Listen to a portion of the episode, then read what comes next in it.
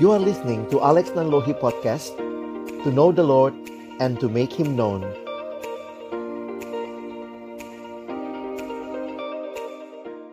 Ya, beliau lahir 12 Maret 1975. Beliau meraih gelar sarjana di Fakultas Kehutanan Universitas Tanjung Pura, Pontianak pada tahun 2000. Kemudian meraih gelar master di Se- Sekolah Tinggi Teologi Amanat Agung Jakarta pada tahun 2013. Dan beliau merupakan staf perkantas Kalimantan Barat dari tahun 2013 hingga sekarang. Ya kita panggil saja untuk maju ke depan abang kita Hendrik Rudolf Merkel MD. Tepuk.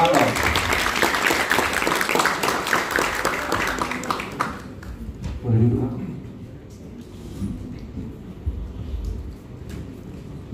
Oke, ya saya juga akan memperkenalkan teman-teman pembicara kedua kita. Eh, beliau lahir 16 Januari 1974.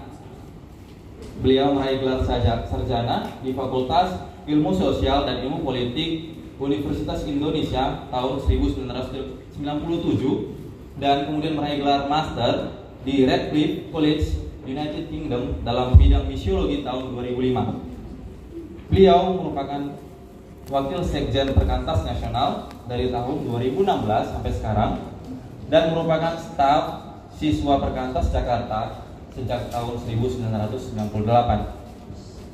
Beliau juga telah ditarbiskan menjadi pendeta oleh Sinode Gereja Kristen Setia Indonesia atau GKSI pada tahun 2019 yang lalu. Ya, kita panggil saja abang kita untuk maju ke depan Pendeta Alex Sander Agus Elias Nanlohi Esos MA.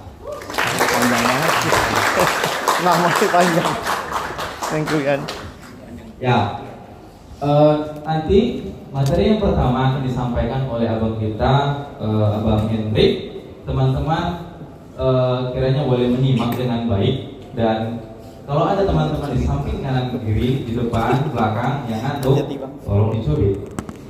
Oke? Ya. Nah, eh, untuk Bang Hendrik dipersilakan dalam menyampaikan materi 30 menit.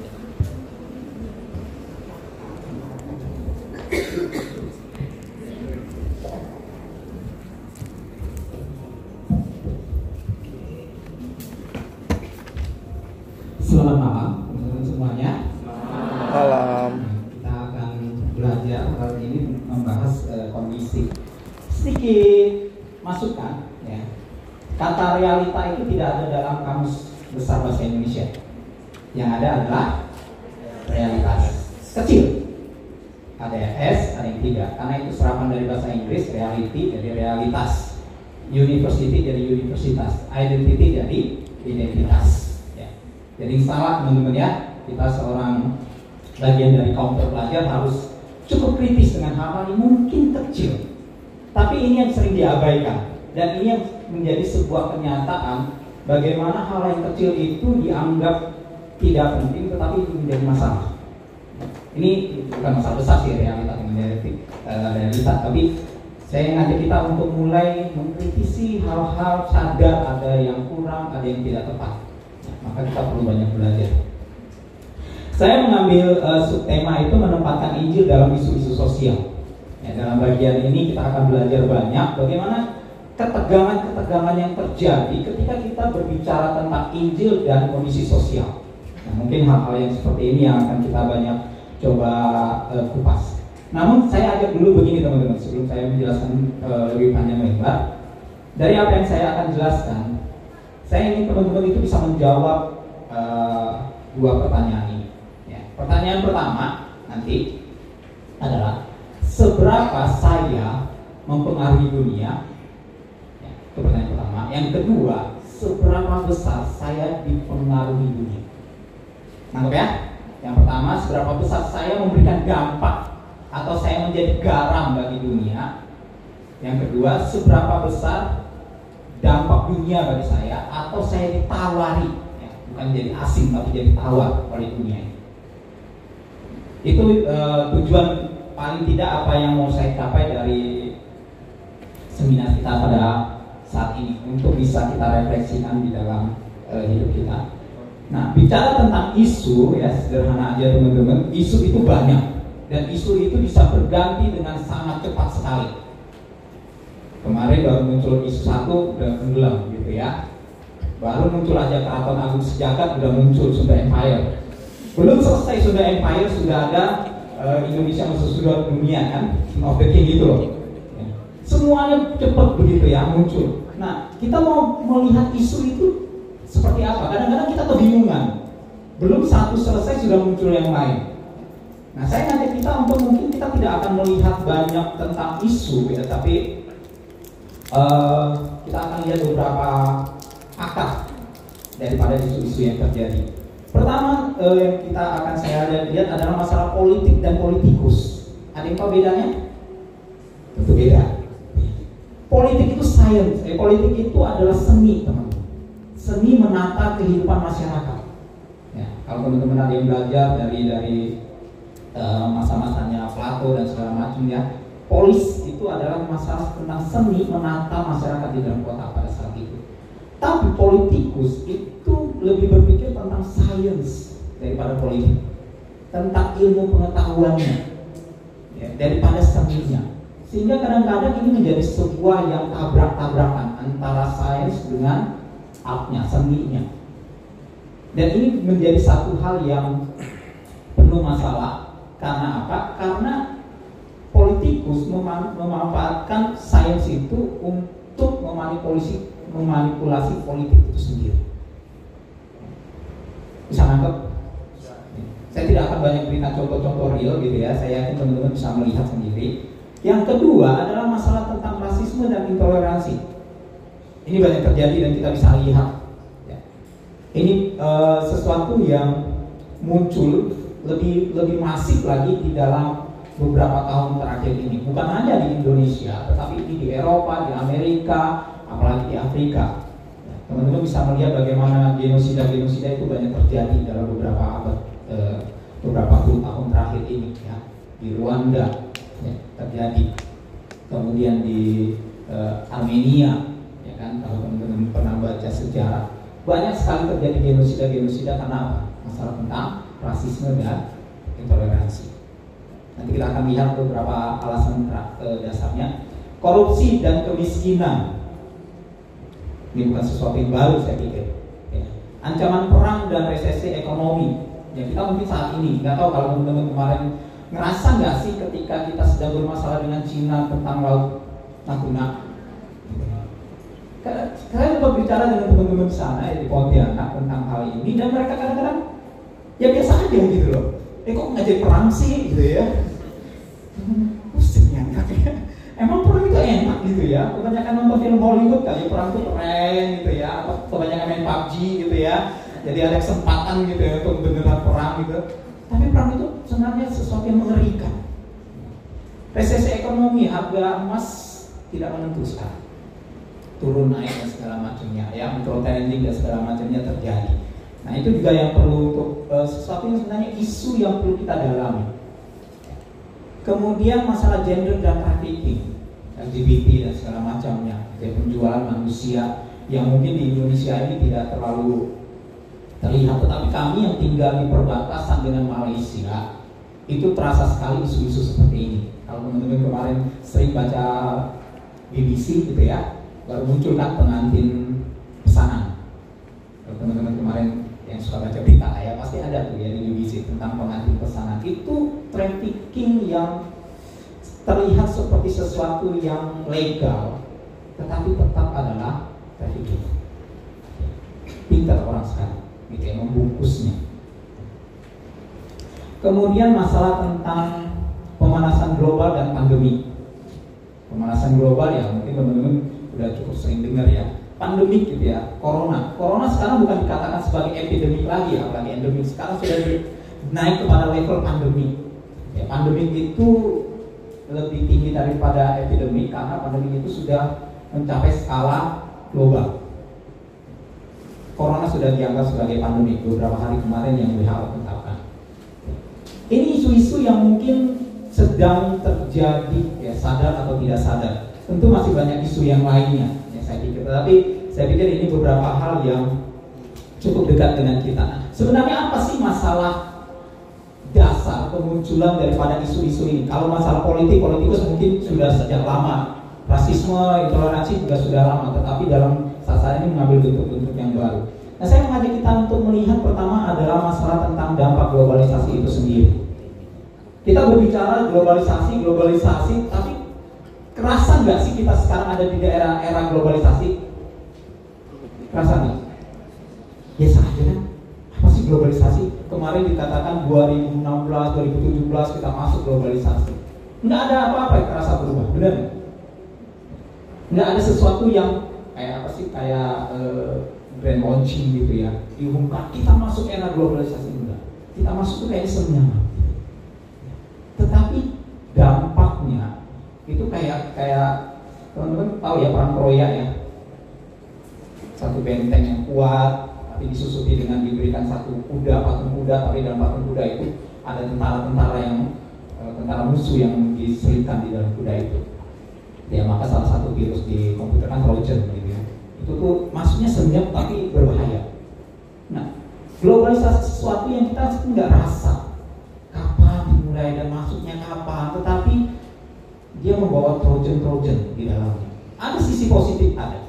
Tetapi kita juga harus melihat kepada sisi-sisi negatif supaya kita prepare.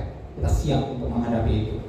Nah saya gabungkan aja antara yang negatif dengan yang positif ya teman-teman ya. Yang pertama sih saya melihat e, sesuatu yang positif daripada globalisasi itu adalah masalah merayakan keragaman. Karena globalisasi itu membuat dunia itu serasa rata. Richard Primer dalam bukunya e, The World is Flat itu mengatakan bahwa memang dunia itu sekarang itu bukan the flatter gitu ya, kayak dunia rata gitu. Tapi bagi dia tuh dunia itu sekarang rata dan mana-mana itu bisa mudah aksesnya. Dan dia katakan memang masa sekarang itu kita itu merayakan keragaman tetapi ketika merayakan keragaman kita bertemu dengan budaya-budaya yang lain gitu ya, uh, keywordnya itu adalah tentang multikulturalisme, ya, uh, budaya multi. Tetapi budaya multi ini pun berbicara belum belum ada kesepakatan di antara para ahli sosial untuk mendefinisikan apa itu multi budaya, multikulturalisme. Ada yang bilang bahwa multikulturalisme itu adalah budaya yang bercampur-campur, itu multi. Tetapi ada juga yang bilang ya budaya yang tetap berdiri masing-masing tetapi mengambil satu bagian bersama-sama. Kalau di Indonesia itu ya Bhinneka Tunggal Ika seperti itu. Namun kita tahu bahwa kalaupun dengan semboyan Bhinneka Tunggal Ika bagaimana kondisi bangsa kita? Mencerminkan itu enggak? Enggak kan? Itu hanya sebagai semboyan yang sifatnya kayak utopis gitu loh, impian gitu. Karena bangsa kita semakin terpecah-pecah. Nah, ketika merayakan keragaman ini bahwa dunia itu menjadi satu tidak ada lagi pembatas gitu ya antara budaya kita bisa bertemu dengan budaya-budaya yang lain dan segala macam itu yang terjadi. Namun tanpa disadari bahwa justru ketika terjadinya keragaman ini ada kelompok-kelompok yang semakin uh, begini. Ketika dia melihat ada budaya yang lain di luar sana A, ada B, ada C, maka dirinya sendiri pun merasa bahwa saya satu bagian itu dan saya ingin naik, saya ingin tampil, saya ingin mengaktualitaskan budaya saya. Ada kelompok-kelompok yang seperti itu. Dan kelompok-kelompok ini kalau dia mengambil bagian yang sangat-sangat uh, ekstrim, maka dia akan membangun apa yang namanya politik identitas. Justru ketika satu sisi kita merayakan globalisasi itu merayakan keragaman, Trojan ini ada nih. Apa? Politik identitas. Dan itu banyak di Indonesia. Ya. Apa itu politik identitas? Sederhananya begini, ada satu kelompok-kelompok yang ingin mengaktualisasikan diri sebagai satu satu komunitas dan kadang-kadang secara ekstrim dia tidak segan-segan untuk menyingkirkan kelompok yang lain. Nah, kelompok identitas, politik identitas ini bisa dalam bentuk ideologi, bentuk agama. Ya, kalau tidak sebut bentuk agama, pasti langsung nangkap kan? Sedang apa di Indonesia terjadi? Itu adalah eh, apa ya? Bentuk-bentuk politik identitas yang muncul. Dan itu sebenarnya adalah dampak daripada globalisasi. Jadi kalau kita bicara tentang merayakan keragaman gitu ya, satu sisi ada yang toleransi, ya, LGBT muncul, ya kan, dulu kan LGBT nggak berani muncul tuh, tapi sejak tahun 2010 itu kan mulai, gitu ya, mulai berani menunjukkan identitasnya. Sampai sekarang pun mereka semakin berani menunjukkan identitasnya. Karena apa? Karena orang semakin toleran, orang semakin it's okay jika itu ada pendirian. Tapi di sisi lain pun adalah ketika politik identitas ini muncul, ternyata yang muncul juga sesuatu yang yang sangat berbahaya, terorisme, intoleransi, ultranasionalisme yang muncul di beberapa negara. Karena apa? Karena ya manusia itu nggak bisa dikendalikan. Ketika sesuatu yang bersama selalu ada sesuatu yang negatif yang muncul. Yang ketiga yang saya lihat adalah dampak globalisasi ini pergeseran nilai. Nah ini mungkin yang akan banyak kita coba bahas teman-teman. Pergeseran nilai seperti ini. Dari hal yang inklusif, hal yang sangat umum, kemudian menjadi hal-hal yang yang yang yang uh, eksklusif, hal yang khusus. Atau sebaliknya, dari yang khusus dijadikan umum. Hal ini banyak uh, apa ya terjadi bolak-balik ya, pergeseran. Uh, John Ortberg kalau teman-teman tahu salah seorang penulis buku yang yang bagus banget gitu ya pernah mengatakan begini di Amerika sekarang itu orang melihat antara panggilan dan karir itu sebagai sesuatu yang sudah berbeda dan perbedaan itu jauh banget. Karir itu adalah sesuatu yang saya lakukan untuk diri saya. Tapi kalau panggilan Allah adalah sesuatu yang saya lakukan untuk Allah. Karir adalah sesuatu yang punya konotasi yang positif. Karena apa? Karir itu berbicara tentang uh, kesejahteraan tentang jabatan gitu ya tetapi ketika berbicara tentang panggilan Allah John berkatakan itu konotasinya adalah tentang penderitaan menyangkal diri sehingga antara karir dan panggilan itu sudah berbeda sekali nah pada dalam kekristenan panggilan dan karir itu adalah satu kotak. Kita berkarir, tetapi di dalam karir itu kita tahu bahwa ada panggilan. Gejala ini saya temukan di dalam PMK, ya bukan berbicara karir, justru tentang pelayanan. Ada pelayanan dilakukan itu tidak berkaitan dengan panggilan. Pelayanan akhirnya menjadi sebuah, ya, sebuah bentuk yang lain dari panggilan aktivitas aktualitas diri tempat untuk apa ya untuk mencari teman tapi tidak lagi melihat sebagai panggilan Tuhan pelayanan dilakukan ya demi pelayanan ya.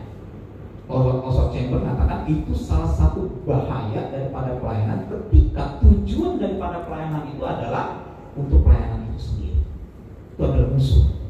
Karena pelayanan dilakukan adalah untuk memuliakan Allah.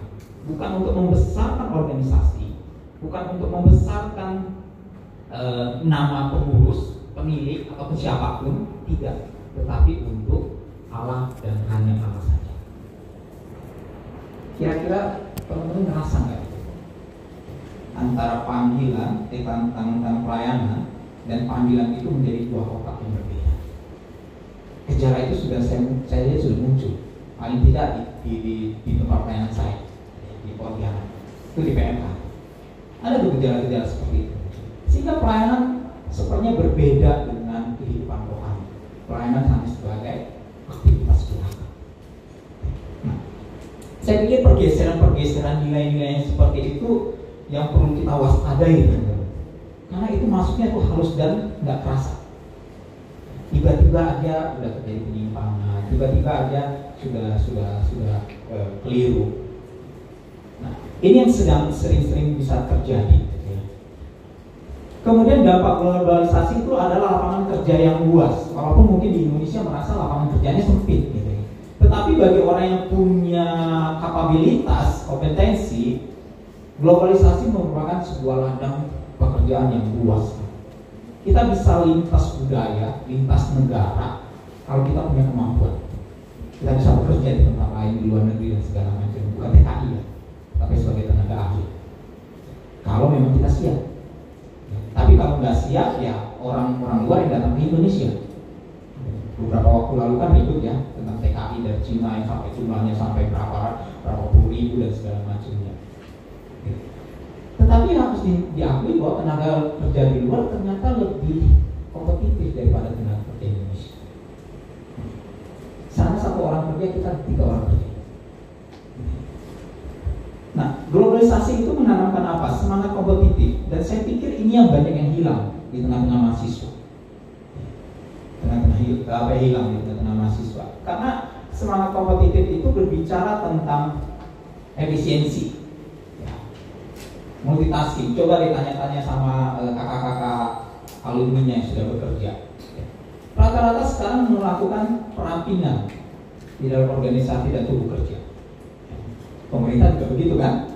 Yang nggak penting buang, yang nggak penting buang. Rata-rata perusahaan seperti itu juga. Sehingga yang dituntut daripada man, e, tenaga kerjanya adalah multitasking. Satu orang harus kerjain tiga job, kalau bisa. Dan itu pun hanya tenaga kontrak. Perusahaan nggak banyak ngambil tenaga tetap sekarang. Jadi suka tenaga kontrak. Nggak bagus pecat. Yang lain masih banyak kok yang saya masuk. Dan manusia itu masalahnya adalah manusia itu dirancang dengan kapasitas yang terbatas. Tetapi saat ini dengan semangat kompetitif yang tinggi ada sisi positifnya, tetapi juga pada akhirnya membuat manusia itu kayak di stres gitu ya, kayak dipaksa gitu. Semuanya harus bisa, semuanya harus bisa. Maka nggak nggak nggak heran banyak orang stres saat ini di dunia kerja. Kenapa? Dipaksa, di stres gitu sampai batasnya, sampai limitnya kalau perlu lebih dari ini. Nah itu sesuatu yang saya pikir apa ya terjadi di sekitar kita yang seharusnya kita sebagai mahasiswa Kristen harus siap menghadapi tantangan-tantangan seperti itu. Dan bagaimana kita bisa bisa berkontribusi, berdampak untuk mengatasi beberapa hal yang menjadi masalah, misalnya tentang politik identitas, gitu ya, dan juga pergeseran nilai yang terjadi. Nah, teman-teman, saya ngajak kita untuk boleh membaca satu bagian Alkitab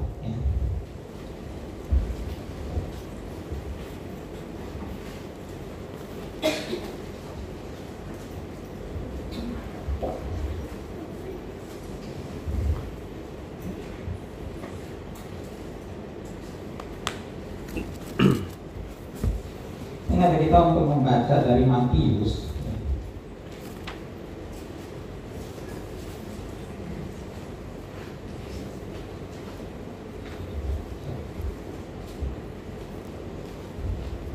Matius pasal yang 24 ayat yang 14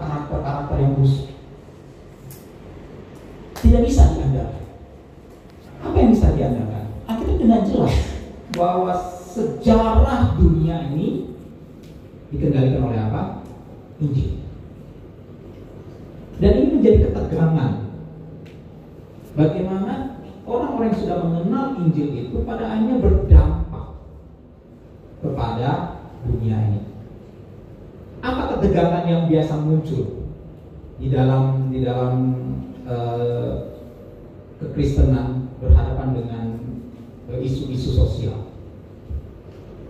Kadang-kadang kita bisa berbicara tentang moralitas yang baik, dan itu biasa dibicarakan di PMK lah. Tetapi ketika kita masuk di dalam etika sosial, di dalam moral-moral yang baik, kita sulit.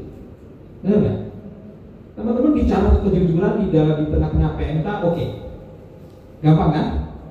Tapi ketika teman-teman berbicara kejujuran di luar PMK, mudah nggak?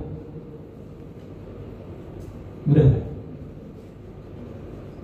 Nggak mudah. Itu masalah kecil. Itu baru masalah tentang jujur tidak jujur. Kalau bicara hal yang lebih besar lagi, bicara tentang apa yang benar, apa yang harus dilakukan, kita mungkin akan mengalami kesulitan. Karena apa? Dunia memiliki cara pandang yang berbeda. Kebenaran adalah sesuatu yang relatif. Kita bicara tentang Yesus adalah satu-satunya jalan keselamatan. Dunia akan bilang apa? Orang Kristen itu arogan. Kalau memang Tuhan itu baik, kenapa dia bikin cuma satu jalan? Maka dunia sekarang ya dengan liberalismenya, kemudian dengan pluralismenya, keselamatan itu di semua agama, itu jadi laris tuh dibandingkan kekristenan. Karena menjadinya sesuatu yang lebih cocok dengan semangat zaman saat ini. Keragaman, kebersamaan. Tidak ada sesuatu pun yang bisa dimutlakan. Tapi ketika kita berbicara tentang keselamatan hanya di dalam Kristus, itu mutlak. Nilai-nilai dunia sekarang nggak terima itu. Tidak ada yang mutlak. Semuanya relatif. Kita berhadapan dengan kondisi-kondisi seperti itu. Nah ini menjadi satu tantangan, ketegangan bagi gereja dan PMK sendiri untuk menyatakan iman yang teguh dan bisa berbicara dengan kuat, lantang dan tegas hanya dalam Kristuslah ada pengampunan dosa dan keselamatan yang kekal. Bagaimana kita mau menyatakan ini? Nah gampang kan teman-teman? Kita mau berbicara apa lagi? Berbicara tentang tentang uh, asal usul manusia. Walaupun dari dulu tentang origin of speciesnya Darwin sudah sangat berkembang, sekarang lebih berkembang lagi pengetahuan-pengetahuan itu. Sekarang kita nggak bisa dengan mudah untuk meruntuhkan konsep-konsep tentang otonomi manusia. Akan semakin rumit dan semakin luas. Nah, PMK apa yang dikerjakan? PA, gitu ya. Tapi berdampak nggak?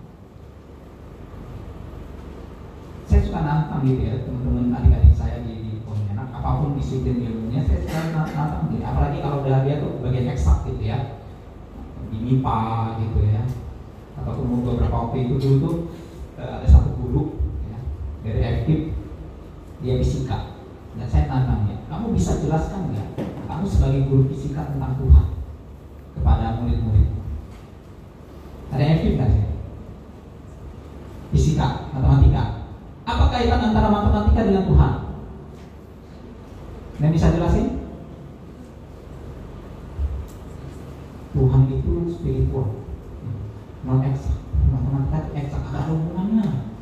Susah cari relevansi. Tapi kalau kita percaya Tuhan adalah sumber dari segala ilmu pengetahuan, maka matematika bisa jelasin tentang Tuhan seharusnya. Nah, bisa nggak yang jelasin? Ada anak-anak IPA? Ada anak FK matematika yang jelasin? Tuhan dengan matematikamu? Ini masalah teman-teman. Kita itu di PMK ya, saya nggak tahu ya, saya tidak menghakimi. Kita kalau tempat pelayanan saya, saya katakan kita ini bicara tentang Alkitab oke, tetapi begitu mengintegrasikan iman kita dengan ilmu kita, kayak pasang tembok gitu loh. Nggak tahu mau jalan ke mana. Bicara Alkitab dari kejadian sampai wahyu jauh, tapi bagaimana implementasinya? Bingung. Saya tantang anak-anak fakultas hukum. Kamu bisa nggak kaitkan antara hukum Taurat 10 hukum Taurat dengan KUHP? Bisa nggak cari persamaannya? Bisa nggak cari kaitan-kaitannya itu? Saya bicara tentang jemaat mula-mula dengan anak ekonomi. Itu kapitalis apa sosialis itu? Berbagi bersama itu. Wah itu itu itu sosialis bang. Tapi kapitalis itu produk dari reformasi gereja kok. Oh enggak? Yang namanya kapitalis-kapitalis yang mungkin kita benci gitu ya, yang cari keuntungan sebesar-besarnya itu adalah akar ya, produk daripada reformasi gereja. Nah kita mau lihat lihat mau bahasnya seperti itu. Saya tantang ke anak-anak ekonomi. Coba kamu bahas itu. Kita, saya tahu ya teman-teman gimana gitu ya mengimplementasikan ilmumu dalam disiplin ilmumu dengan imanmu dengan apa yang kau dapat di PMK.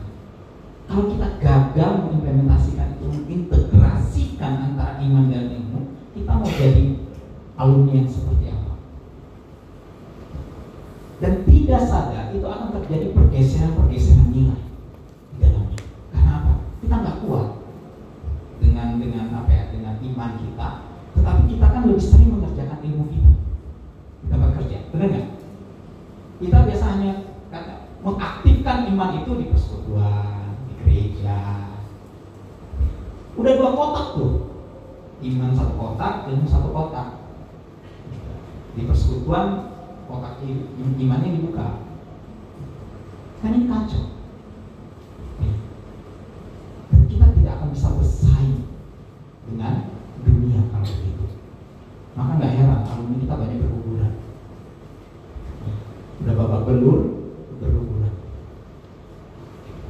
Kenapa? Relevansi implementasi integrasi iman dan ilmu tidak tidak dapat. Karena ini adalah sebuah dampak daripada globalisasi. Tuntutan yang tinggi, ya, kemudian daya kompetitif yang mungkin sangat kenapa ya kurang. Ini yang menyebabkan bahwa mahasiswa-mahasiswa sekarang ini akhirnya mengerjakan pelayanan pun kadang-kadang nggak tahu untuk apa. Saya nggak tahu ya teman-teman ya, teman-teman sendiri yang bisa tahu mengerjain pelayanan itu apa sih? Ke mana sih? Jadi pengurus, jadi PKK, sebenarnya apa yang dikerjakan? Apa yang mau dihasilkan? Mimpi kelompok kecil itu untuk apa? Jadi pengurus itu untuk apa? Bangun PMK itu untuk apa? Ikut KMSBS itu apa? Ke mana muaranya semuanya itu? Apakah sekedar habis, sekedar saya tahu, sekedar saya punya pengalaman, selesai. Nah, pergeseran-pergeseran nilai yang yang begini-begini itu karena sesuatu yang sangat-sangat apa ya, sangat-sangat tipis terlihat. Kadang-kadang kita abaikan begitu saja. Serasa saya melayani Tuhan sebagai pengurus selesai, bangga, senang gitu ya. Oh saya sudah jadi anak yang baik. Tetapi tanpa pertumbuhan, tanpa transformasi, tanpa perubahan hidup, PMK berjalan berjalan, program berjalan berjalan, dana ada ada, baksos dibuat misi ada ada, tapi kita sendiri mengalami pertumbuhan? Kita sendiri bisa mempertanggungjawabkan iman kita tidak? Itu baru satu sisi. Sisi yang lain adalah kita belajar Alkitab sedalam mana kita sini yang baca buku rohani satu bulan satu kali siapa? Satu bulan satu buku. Enggak ada. Ini masalah. Satu bulan satu buku aja enggak ada, apalagi kalau itu satu tahun. Maka pendidikan Indonesia itu rendah. Orang bule minimal satu tahun itu 25 buku. Dan itu bukan buku ecek-ecek ya, bukan majalah buku, gitu itu bukan. Itu buku-buku yang berat. Kita baca berapa banyak buku? Kalau saya secara pribadi mem- apa ya, mendisiplinkan satu bulan minimal tiga buku baca. Selain buku textbook lah ya, atau apa? Selain Alkitab lah. Itu nggak nggak hitung lah ya. Maka kita nggak punya daya saling kompetitif yang kuat karena pengetahuan kita lemah. Oleh karena itu, gejala-gejala yang jangan kita bicara tentang membahas isu-isu yang global, yang besar. Yang pernah selesai baca bukunya John Stott, isu-isu global ada? Ya iya masih itu kan Teman-teman nih yang peserta nih Oke lah, nggak selesai lah Pernah ada yang baca? Isu-isu globalnya John Stott Saya pikir itu buku yang sangat relevan Itu ditulis dari tahun berapa? 84, 94 ya? 94 ya? 86 Diterjemahkan. Itu buku 81 di 81 ditulis. Itu sebuah kalau saya baca itu ya itu tetap aktual kok dia punya isu-isu sampai sekarang. Seolah Bapak Almond Johnson itu apa ya punya visi yang jauh ke depan. Apa yang akan terjadi dengan dunia ini?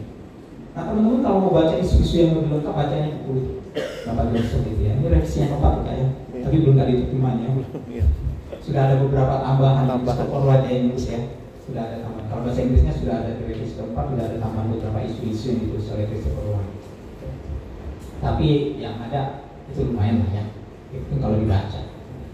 Kalau yang baca teman akan mengetahui ternyata dunia ini penuh dengan masalah.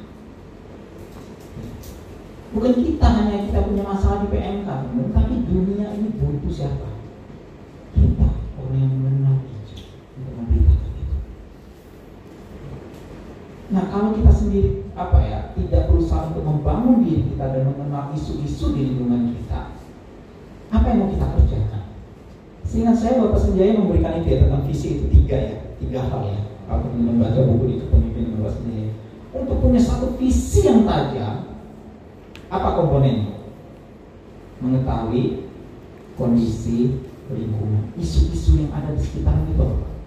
Karena Tuhan menempatkan kita bukan sembarangan. Tuhan menempatkan kita supaya kita bisa menjawab isu ini. Tuhan bisa memberikan kita kapasitas Tuhan memberikan kita panggilan. Irisan ketiga hal ini itu adalah visi kita. Kalau saya mau sedikit sharing ya, tadi diceritakan saya di kehutanan, ya, oke saya kuliah di kehutanan. Sampai sekarang silpa saya nggak hilang kok. Jiwa silpa saya masih ada. Ketika masuk ke kampus ke teologi, nggak hilang juga kok. Bukan hanya bicara tentang adventure-nya, naik gunungnya, apa bukan itu. Tetapi saya rasa dari dulu Tuhan panggil untuk untuk situ gitu ya, untuk bicara soal tentang lingkungan hidup dan segala macamnya. Ya, gitu.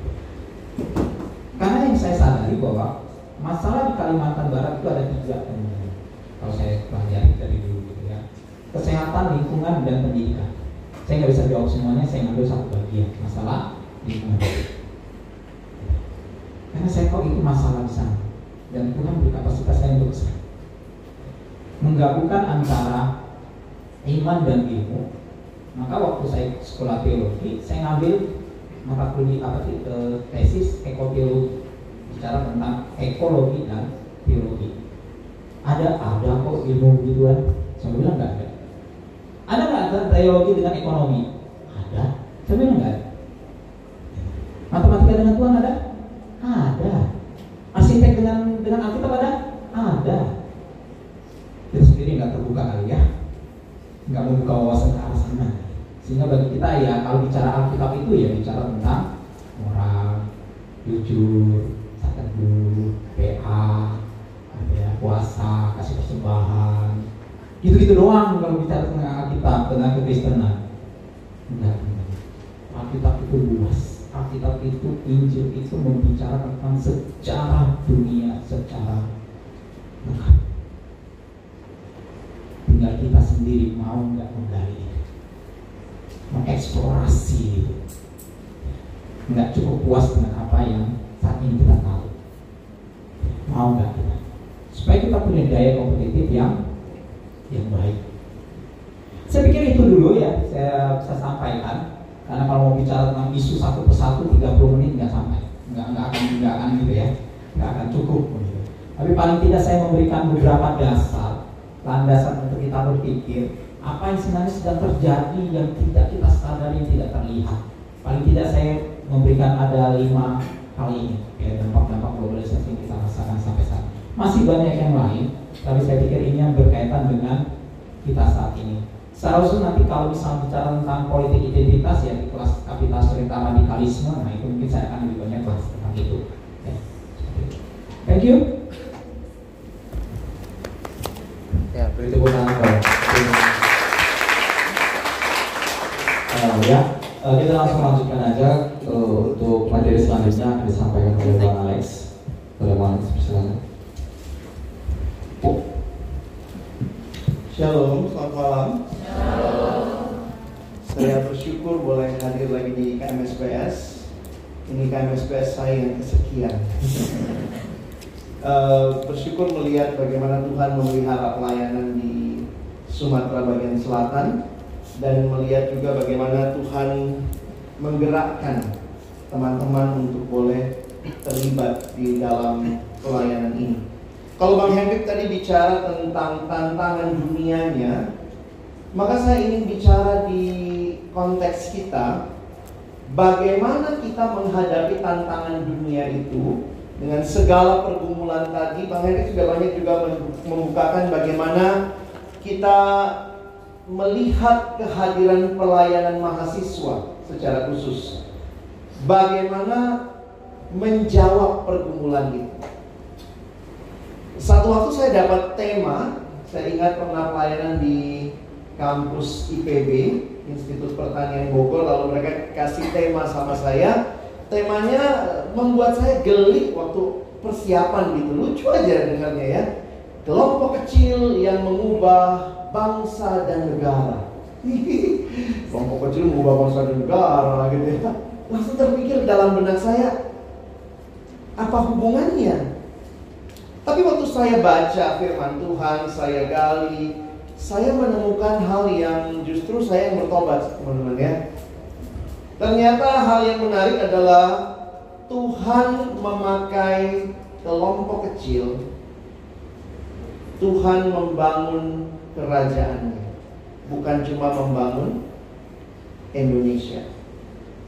Nah, saya ajak kita lihat sebentar ada ayat di Alkitab Mari kita buka di dalam kitab Matius pasal yang kedua.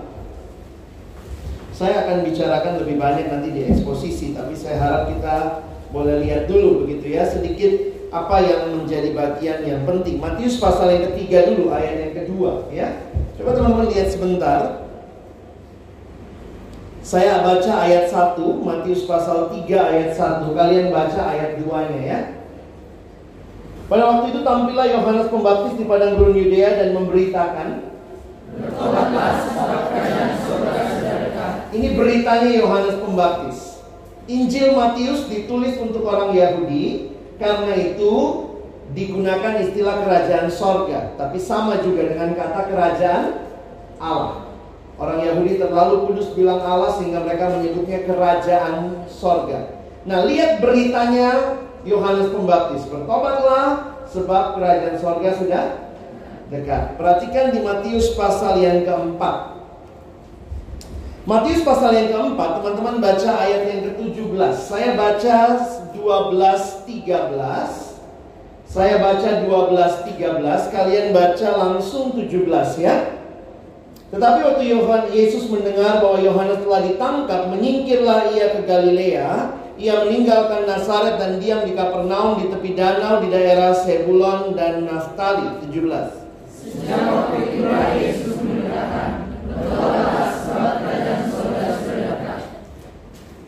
Ini menarik sekali, berita Yesus sama nggak dengan Yohanes Pembaptis?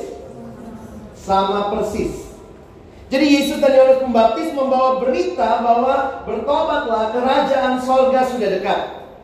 Teman-teman yang saya katakan kepada kita tadi bahwa ketika saya mendapat undangan itu dan saya dapat undangan kelompok kecil yang mengubah bangsa dan negara, kalau tuh saya gali bagian ini, saya justru lebih terkejut lagi.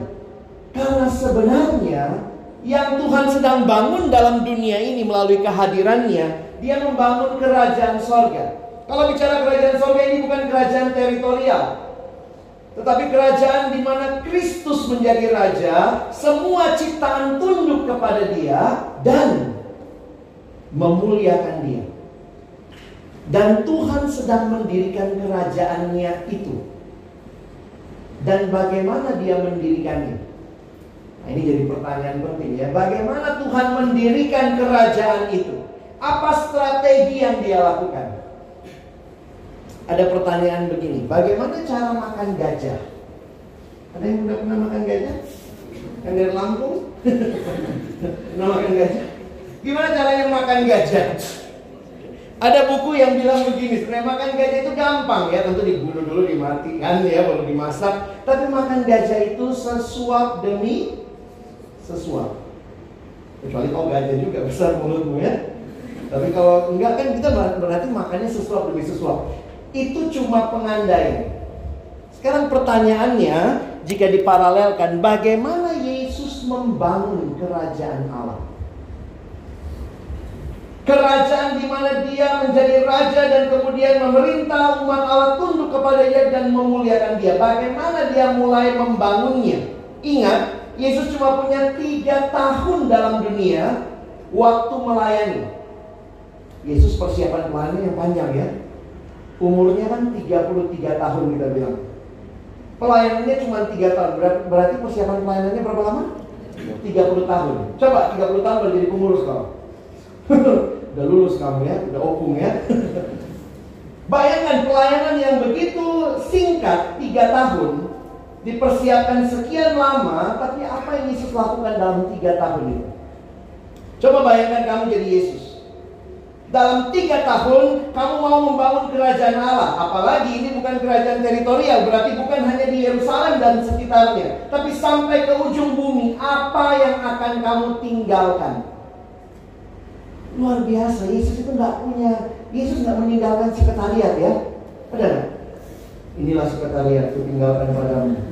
Tiap tahun naik haji ke sana. Menyembah sekretariat. Yesus tidak tinggalkan deposito ini uang ya, lanjutkan pelayanan. Yesus tidak tinggalkan kurikulum bahkan ya. Ini kurikulum, tolong dilihat-lihat. Kapan-kapan pakai buku ini begitu ya.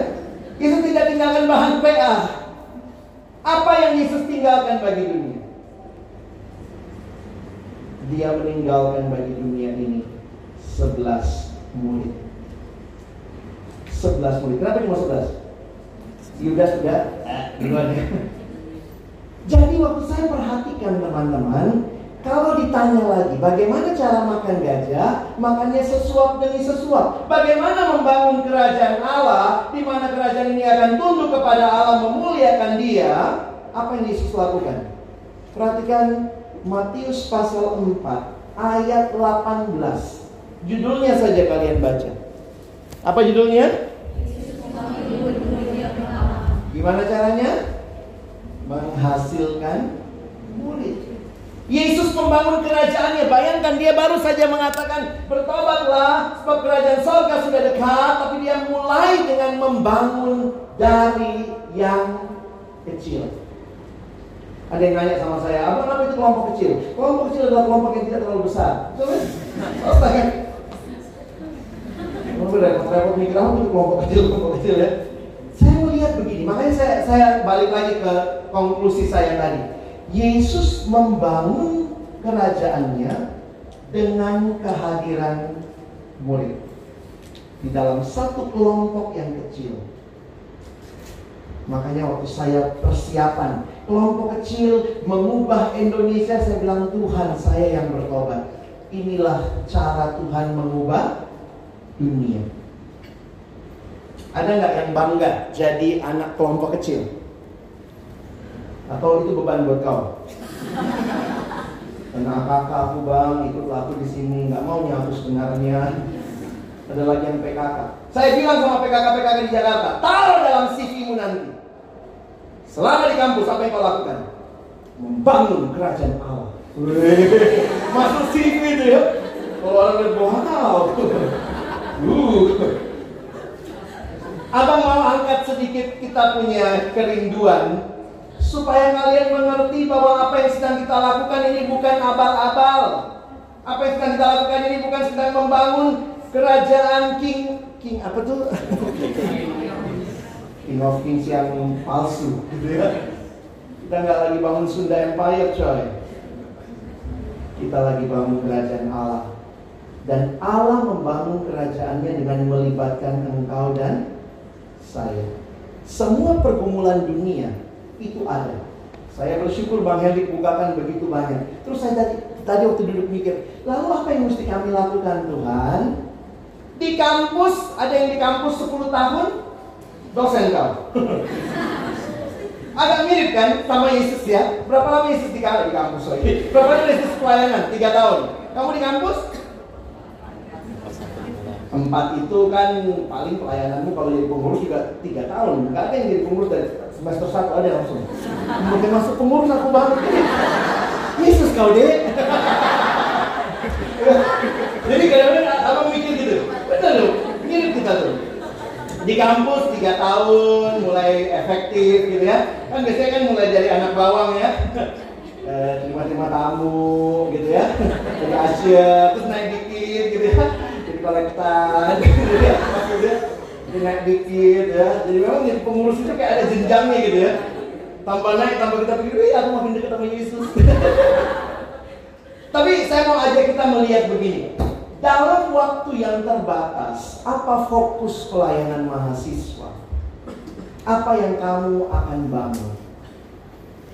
Kalau kita punya waktu yang terbatas, masalah dunia begitu besar, kita harus membentuk diri kita. Kita harus juga membangun dunia ini. Bagaimana? Apa yang Tuhan sediakan? Saya harus berkata saya bersyukur Tuhan menghadirkan pelayanan mahasiswa. Tuhan kasih visi dan kemudian visi itu dengan fokus yang jelas menghasilkan murid. Ya, jelas ya. Pelayanan mahasiswa bukan sedang bermain pelayanan-pelayanan. Yuk kita main PMK PMK-an yuk. Kau ketua-ketuaan ya, aku sekretaris-sekretarisan ya. Eh mana aja jemaat-jemaatan. Nah, kau jemaatnya nah, kasih-kasih persembahan, persembahan. Pentingnya kita nggak lagi ber, bermain-main. Teman-teman saya harap kamu sadar bahwa waktu yang terbatas kita sedang menyiapkan murid. Pertama, engkau dan saya harus jadi murid dan kemudian membangun kembali pemuridan. Ini hal yang penting. Saya mau masuk ke slide saya ya. Kadang-kadang kita bilang di pelayanan perkantas begitu ya. Pemuridan atau kelompok kecil itu adalah tulang punggung pelayanan perkantas. Tulang punggung pelayanan mahasiswa. Tulang punggung pelayanan siswa. Mengerti bahwa kita sedang membangun murid. Kalau orang cuma datang di kampus hanya punya ilmu yang banyak, bersyukur.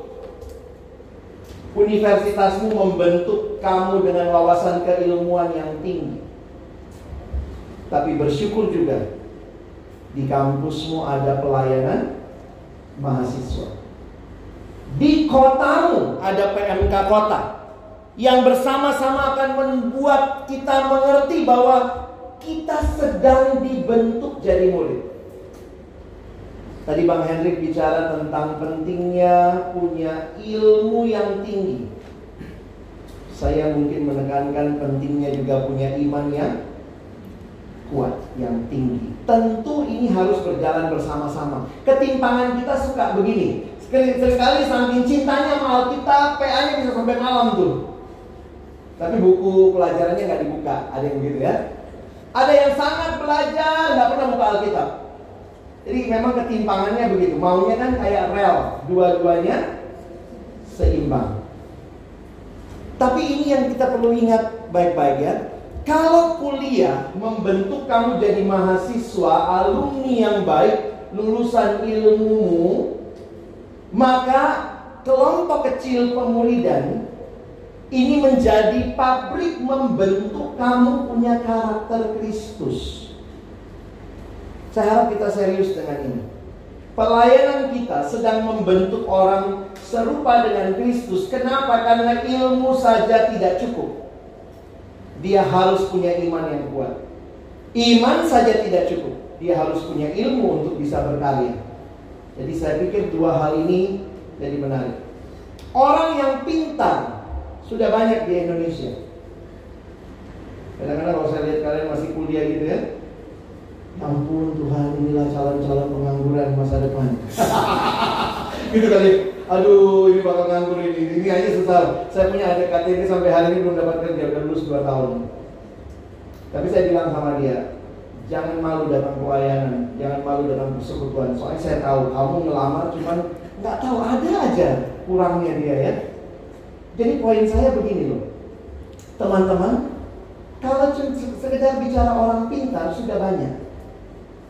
Tapi kalau dia orang pintar, yang ikut dalam pelayanan kita sebenarnya apa sih profil akhirnya yang mau dicapai? Pernah bayangkan nggak?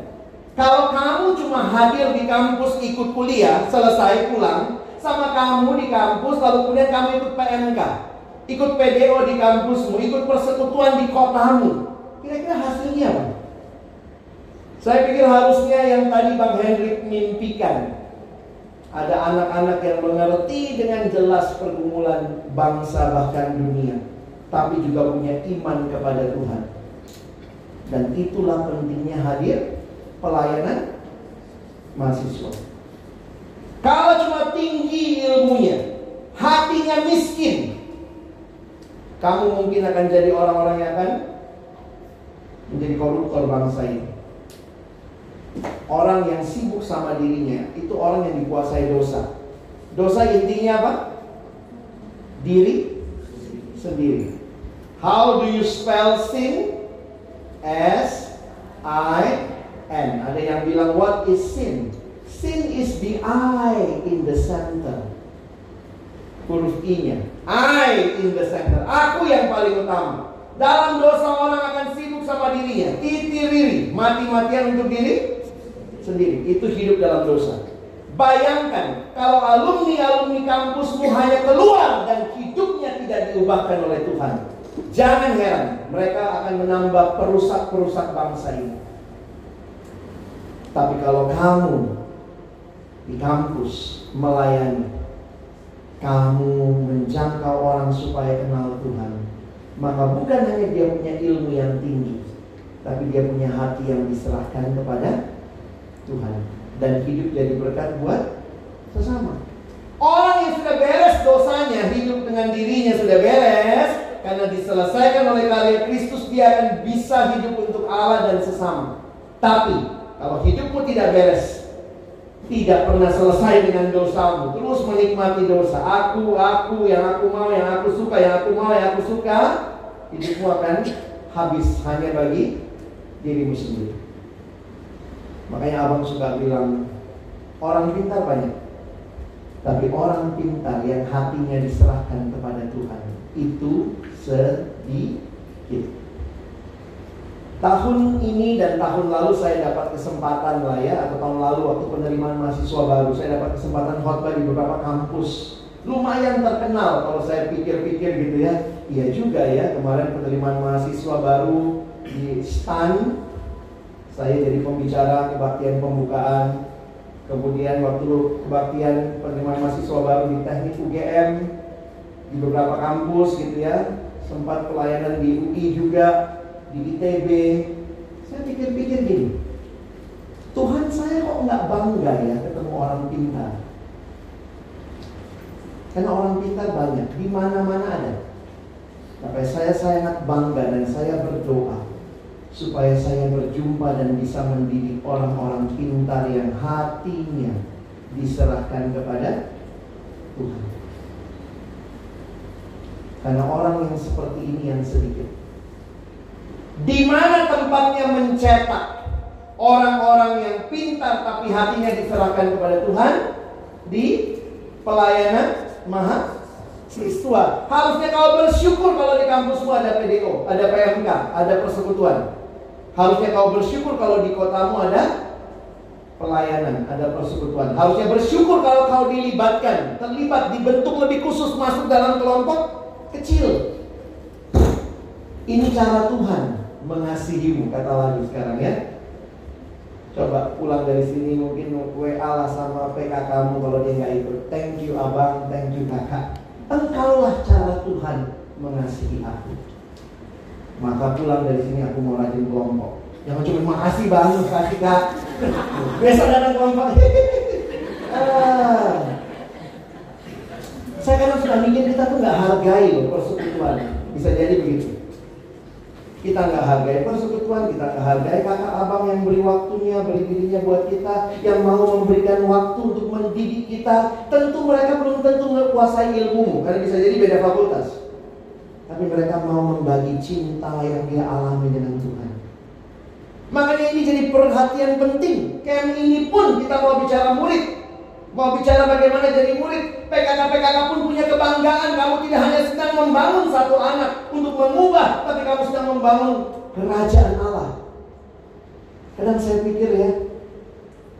Gak kebayang itu. Orang yang kita bimbing. Sekian tahun kemudian Tuhan bawa.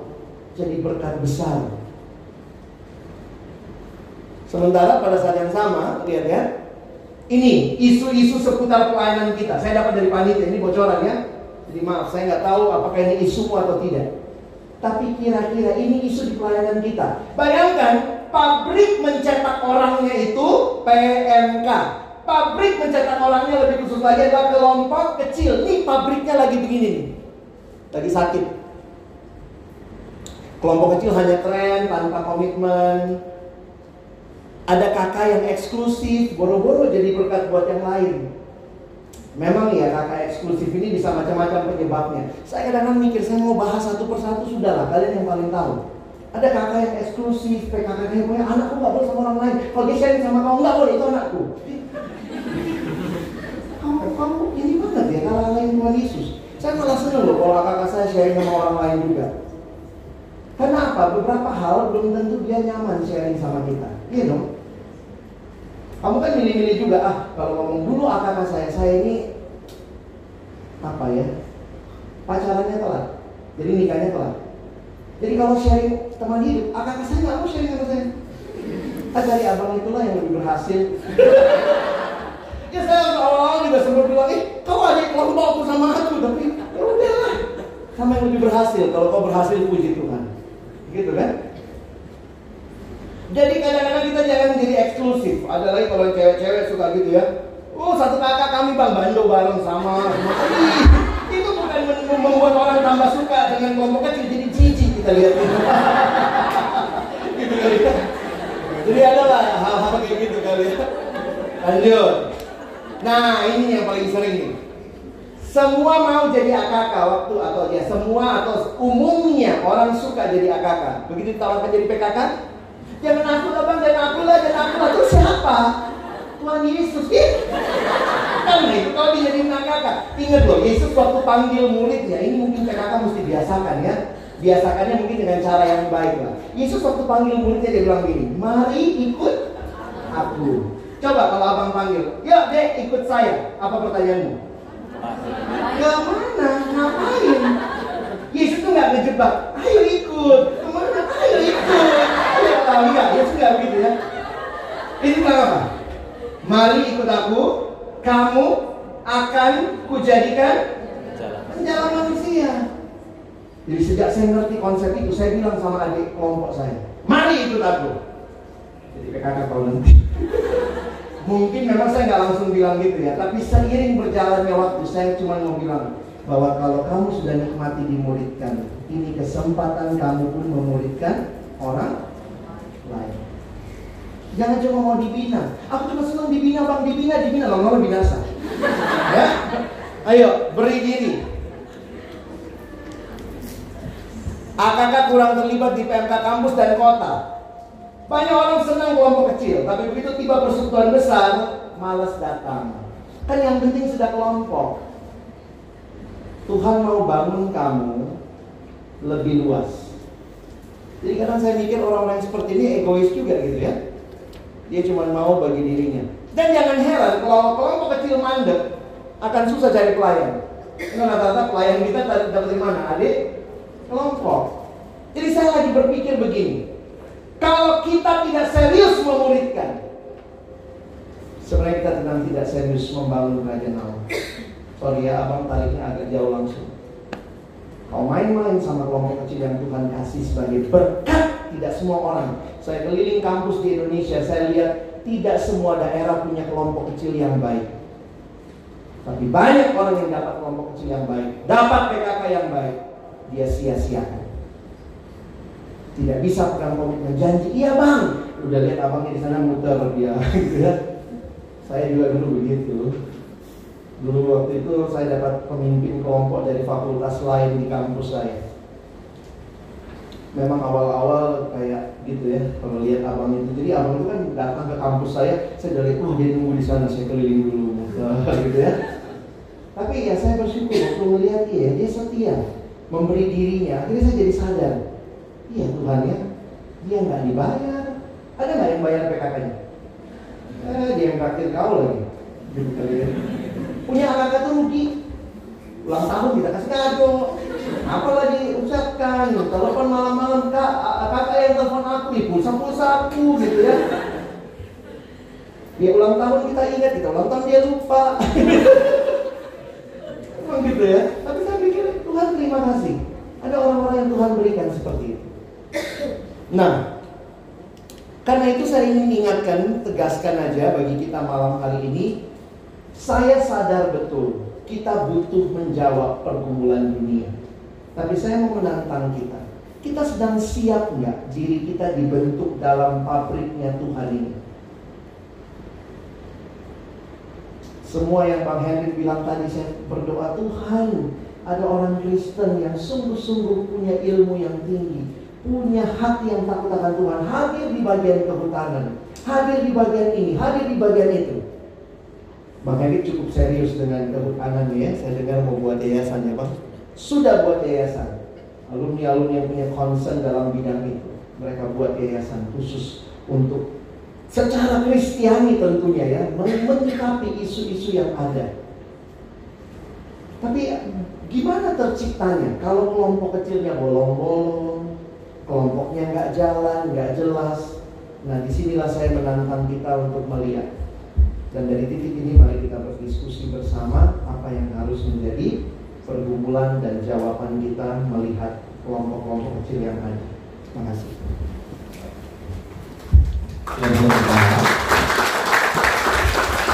Uh, ya kita akan buka sesi pertanyaan bagi teman-teman yang ingin bertanya nantinya uh, diharapkan uh, bertanya langsung kepada poinnya. Jadi Gak usah pakai pendahuluan latar belakang rumusan masalah kayak kalian tulis skripsi.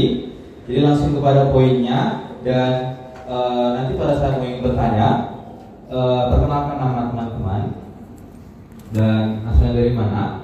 Kemudian e, pertanyaannya ditujukan kepada siapa? Kepada Bang Alex atau kepada Bang Henry atau kepada dua-duanya. Oke? Okay? Sesi dana jawab kita ada 30 menit Sesi pertama saya juga tiga orang penanya. E, minta tolong nanti e, panitia juga boleh lihat siapa yang pertama sekali mengangkat tangan. Kita persilakan. Ini ada mic-nya bisa di enter kadarkannya. Ya.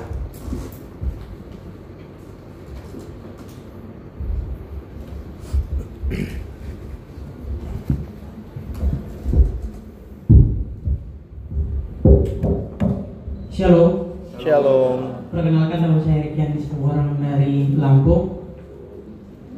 Uh, terima kasih untuk uh, abang-abang pembicara. Saya mau nanya langsung, uh, bagaimana kita sebagai AKK atau PKK yang dari berbagai denominasi gereja yang uh, yang berbeda-beda, kita aja menyikapi tentang Injil ada yang berbeda-beda gitu di setiap gereja menyikapi tentang Alkitab berbeda-beda gitu. Jadi bagaimana kita menyatukan uh, pemahaman denominasi yang berbeda-beda ini dalam PMK dan menyatukan bahwasanya Injil itu satu ke kesatuan gitu.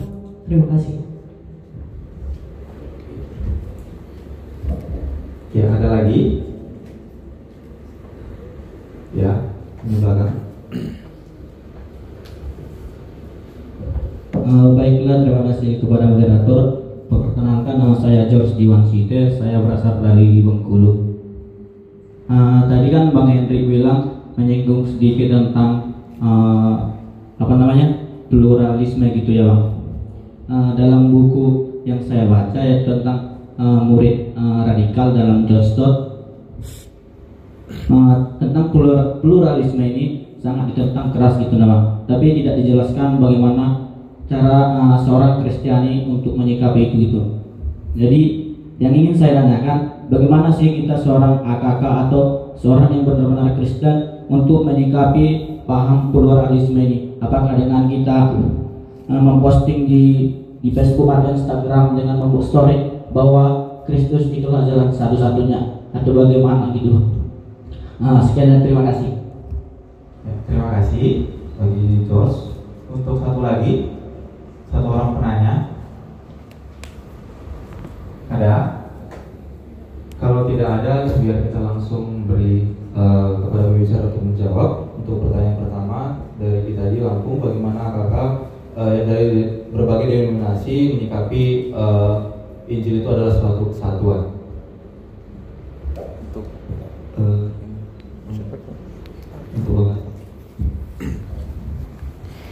Salah satu hal yang penting dalam pelayanan kita yang juga menjadi ciri pelayanan kita adalah interdenominasi. Interdenominasi sebenarnya bukan gado-gado. Campur semua gitu ya, tapi interdenominasi adalah kita sendiri punya keyakinan terhadap doktrin-doktrin dasar yang sesuai dengan pengakuan iman rasuli. Jadi kalau kalian perhatikan sebenarnya di dalam kita memahami ajaran, saya kasih sedikit dulu uh, teorinya gitu ya Sebenarnya ada dua macam kan ajaran itu ya. Satu ajaran yang benar, yang satu ajaran yang sesat. Ini aja, dua. Benar sama sesat. Nah, yang benar ini kenapa disebut benar? Kita mengikuti sejarah gereja bahwa pengajaran yang benar itu bersumberkan kepada pengakuan akan iman rasuli. Jadi semua yang tidak sesuai dengan pengakuan iman rasuli itu kita bilang ajaran sesat. Oke, itu dulu, tangkap dulu ya. Nah, yang benar, yang sesat di dalam sejarah gereja ini disebut biasanya sebagai bidat. Ya, bidat atau pengajaran yang sesat. Ada miripnya, mungkin mirip sama-sama pakai Alkitab, tapi kok beda. Di mana kita lihat bedanya? Bukan hanya karena dia pakai Alkitabnya, tapi lihat kesimpulan pengajarannya. Karena kita setiap hari Minggu berdiri di, di gereja menyatakan pengakuan iman rasuli di mana iman kita berpusat kepada pengakuan akan Allah Tritunggal. Aku percaya kepada Allah Bapa. Aku percaya pada Yesus Kristus. Aku percaya kepada Roh Kudus. Nah, Biasanya ajaran-ajaran bidat itu meskipun Alkitabnya sama, tanya dulu, dia yakin nggak Yesus adalah Tuhan? Dia kalau dia bilang oh Yesus cuma manusia biasa tapi punya power ilahi, maaf kita langsung bilang itu ajarannya sesat. Jadi bisa bedakan ya, yang benar sama yang sesat. Jadi bidat itu perlu kita tegas. Itu bukan saudara, itu lawan tanda kutip ya karena mereka dalam ajaran inti kekristenan. Kita tidak setuju ya? Apa bedanya bidat sama bodat? Bodat mirip kayak manusia tapi bukan. Kalau kau jeli bisa lihat ini bodat ini manusia. Demikian juga bidat. Mirip kayak yang benar tapi bukan. Maka di mana penentunya pengakuan iman rasuli. Nah, ajaran yang benar sendiri ada lagi dua turunannya. Satu yang namanya ajaran sehat, satu yang kurang sehat. Jadi ingat, yang sehat kurang sehat itu bagian dari ajaran yang be yang benar. Apa yang membedakan? Mungkin sama-sama mengerti, memahami, mengakui pengakuan iman rasuli, tapi ada penekanan berlebihan pada doktrin tertentu. Misalnya ini penekanan berlebihan pada persembahan. Pokoknya semua tema khotbah persembahan, persembahan. Kalau ke gereja itu persembahan, persembahan sampai kita mau masukkan diri kita di kantong kolektor itu ya. Bagi semua persembahan. Ya. Jadi menekankan berlebihan kepada persembahan. Yang satu mungkin penekanan berlebihan, apa, berlebihan pada doktrin Roh Kudus. Nah itu juga jadi pengajaran yang tidak sehat. Nah sayangnya sampai hari ini Gereja masih saling menuding. Kau yang kurang sehat. Ah, kau yang kurang sehat. Aku sehat, kau yang kurang sehat. Ah, gerejamu nggak ada roh kudus daripada kau kebanyakan. Gitu ya. Ini saling menuding begitu. Nah, saya tidak tahu latar belakang gerejamu. Mana tahu mungkin gerejamu gereja yang kurang sehat. Bisa jadi kan? Karena saya meyakini yang bisa bertahan di PMK bertahan di pelayanan kita adalah orang-orang yang sama-sama mengakui Allah Tritunggal kalau dia sudah saksi Yehova, Kristen Science, Mormon itu sudah bidat. Semua itu bidat Kristen yang tidak percaya Yesus sebagai Tuhan. Tapi kalau beda denominasi Nah itu masalahnya mungkin cuma sehat kurang sehat. Nah bagaimana kita yang di PMK saling bersikap Ingat, tidak ada satupun gereja kita yang sempurna. Karena itu, rendah hatilah belajar. Kalau di PMK kita ketemu di kelompok kecil orang yang berbeda doktrin sama kita, yuk kita ajak diskusi. Standar diskusinya bukan kata pendetaku, kata guru Injilku, tapi tanyakan apa kata Alkitab. Saya punya adik kelompok kecil dari gereja Pentakosta. Saya dari gereja GPIB. Awalnya ada doktrin yang kami berbeda. Tapi kemudian kami sama-sama rendah hati. Di PMK kita bisa diskusi kan? Kalau hatimu seperti hatiku, kaulah saudara dan saudariku. Saya tanya sama dia, kenapa kau meyakini begitu? Dia tanya sama saya, abang meyakininya bagaimana? Di mana ayatnya? Jadi kita sama-sama cari ayatnya. Lihat di Alkitab. Waktu kita pelajari bersama, akhirnya kami menemukan begini. Ternyata perbedaan kita itu mungkin di hal-hal yang sekunder, bukan primer. Kalau beda Yesusnya langsung primer itu, nggak bisa. Ternyata beda kita cuma sekunder. Oh, dia baptisnya percik, dia di selam, yang satu disembur, enggak ada ya. Itu cuma beda beda tradisi. Lalu mana mana yang lebih alkitabiah? Ternyata di Alkitab ada semua jenis baptisan. Karena itu jangan berantemin baptisannya. Yang primer adalah dibaptis.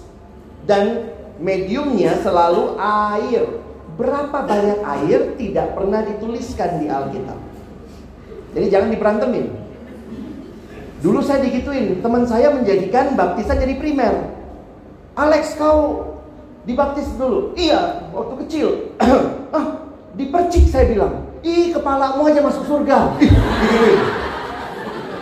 Dulu kan saya belum tahu, itu masih siswa saya digituin. Saya tanya, jadi mesti bagaimana? Lalu dia bilang, kau harus diselam, ikut di gerejaku diselam. Akhirnya sekarang saya udah mulai tahu kan, jadi saya nanya, emang di mana ayatnya? Kalau nggak diselam, selamat nggak? Selam sama percik, masalahnya di mana?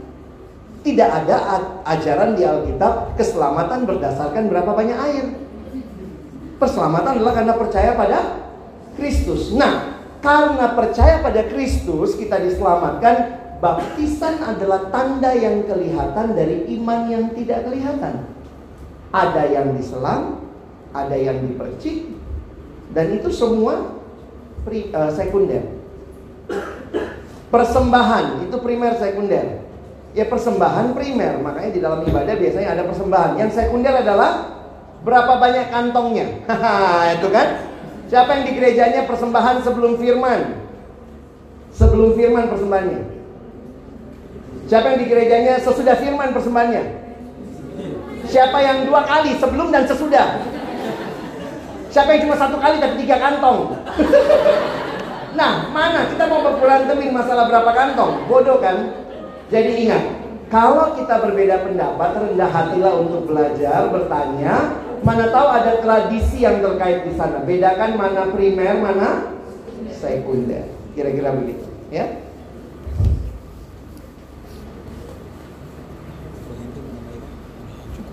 Kau yang bagianmu. Ya.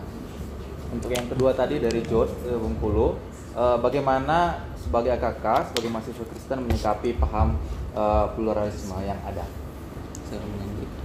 Pada dasarnya pluralisme itu percaya bahwa semua agama itu membawa kepada keselamatan. Itu konsep paling dasar dari pluralisme.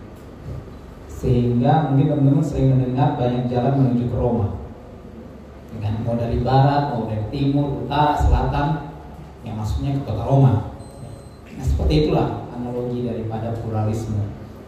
Apa pun agamanya, apa pun kepercayaannya pasti akan sampai ke ke surga. Kalau bagi yang percaya kepada surga atau kepada nirwana atau kepada valhalla apa pun lah gitu ya keyakinan keyakinan seperti itu. Nah masalahnya ya,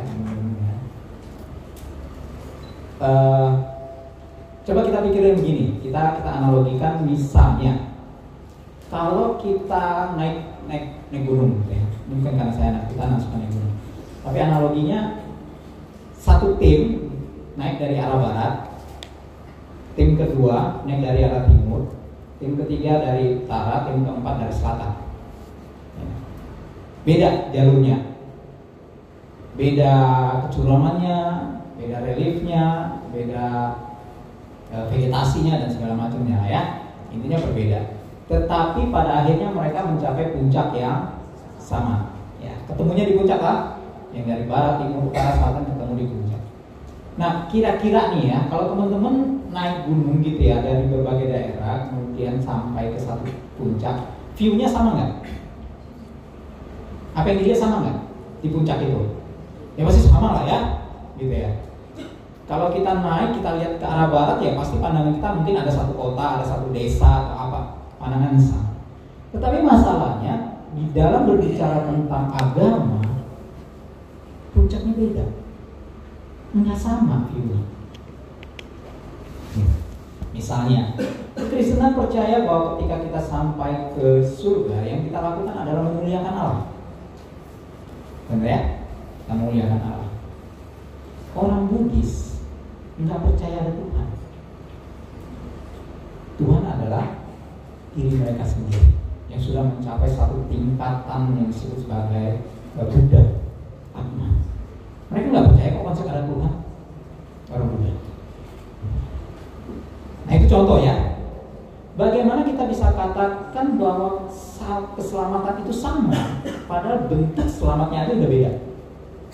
Bisa sama nggak? Nggak bisa. Artinya apa? Puncaknya beda, gunungnya beda. Kalau sama-sama berarti kita ketemu Tuhan yang sama dong.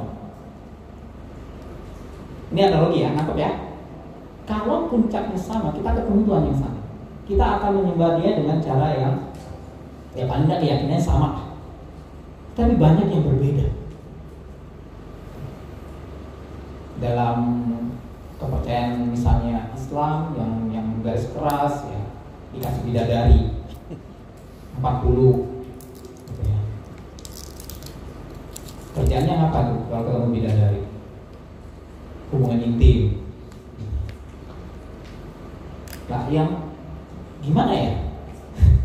Nangkap ya perbedaannya ya. Sehingga kita tidak meyakini tentang pluralisme seperti itu.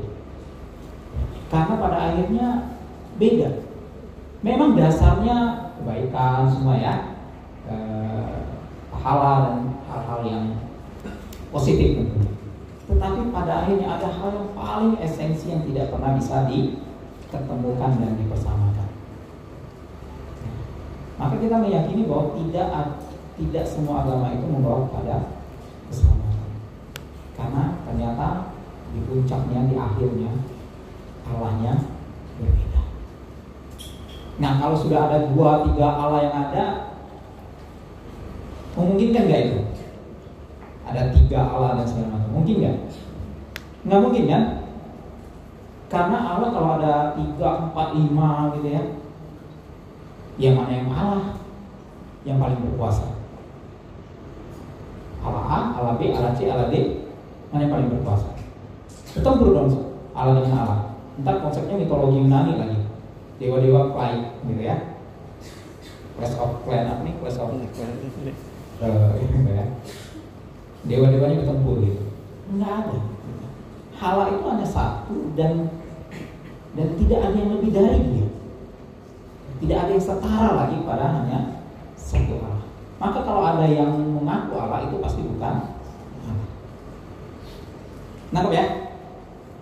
Nangkep gak maksud saya? Jadi kita sangat menolak pluralisme seperti itu. Maka teman-teman baik-baik lah ya baca gitu ya. Kalau misalnya Pak Joli ya, Nah, ada seorang hamba Tuhan yang sangat menggeluti hal ini ya. Dia bidang apologetik, apologetik Indonesia ya, API ya. Itu nah teman-teman uh, ya ikutinlah. Ya, dia banyak membahas hal, -hal seperti itu. Ya, tentang bagaimana kita mau menjelaskan hal-hal yang mungkin kurang jelas. Nah bagi saya mahasiswa sebenarnya sudah levelnya di situ harusnya. Banyak belajar yang begitu-begitu. Ya, belajar tentang apologetika. Karena di situlah kita bisa menjelaskan posisi iman kita. Belum lagi bertanya tentang Tritunggal, paling banyak kan Tritunggal ya. Oh, tiga Allah gitu. Ya, Allah punya anak. Iya, anak Allah punya anak. Dia primitif banget ya Allah punya anak kayak anjing gitu punya anak. Itu, itu kan salah pengertian ya dari berbagai pihak. Nah, bagaimana kita bisa menjelaskan hal itu? Saya pikir uh, pluralisme yang yang yang hal-hal seperti itu mungkin teman-teman uh, juga akan berkaitan dengan liberalisme. Ya, pemahaman-pemahaman Kristen yang liberal tadi mungkin maka Alis katakan uh, tidak heretik ataupun sehat dan tidak sehat. Maka kita perlu uh, belajarnya banyak yang mendalami Alkitab itu banyak. Sedalam-dalam yang bisa kita pahami. Gimana kira-kira George? Apakah bisa menjawab atau ada lagi yang mungkin perlu ditanyakan?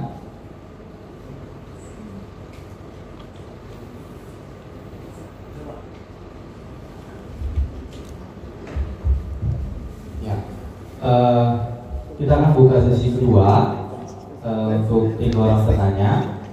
Nanti sama kayak tadi, sebutkan nama dan asalnya dari mana dan ditujukan uh, pertanyaan kepada siapa. Kita mulai. Ya.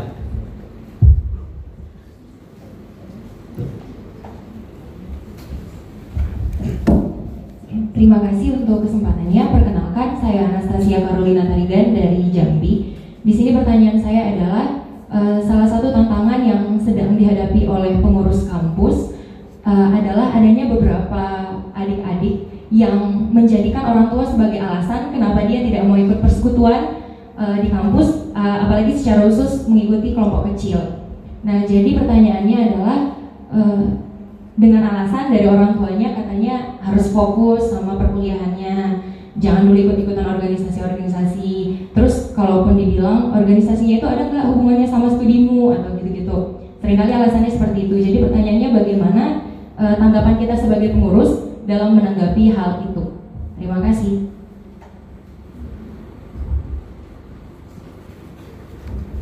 Ya, ada lagi? Ya, silakan. Shalom. Shalom. Uh, perkenalkan nama saya Gunawan Siombing dari Lampung. Di sini saya ingin uh, bertanya karena uh, di sini kita kan tentang seminar realitas kita, gitu. Jadi uh, realita yang pernah saya alami gitu. Jadi ketika seseorang di dibuatkan pelayanan gitu ketika misalnya dia ditunjuk sebagai pengurus sebagai pelayan dalam ibadah mungkin seperti tadi hampir senada dengan yang barusan ditanyakan. Uh, banyak timbul alasan-alasan gitu. Jadi terkadang uh, kita juga sulit untuk memilih prioritas gitu. Karena uh, di dalam Alkitab juga kan kita dituntut untuk uh, menyeimbangkan antara seperti tadi udah dijelaskan ilmu dan iman kita gitu.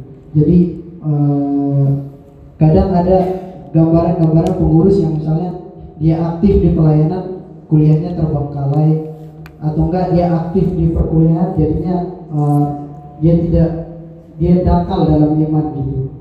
Sekiranya eh, bagaimana sih tips atau cara kita untuk eh, ibaratnya bisa gitu bisa untuk menyeimbangkan keduanya gitu. Terima kasih.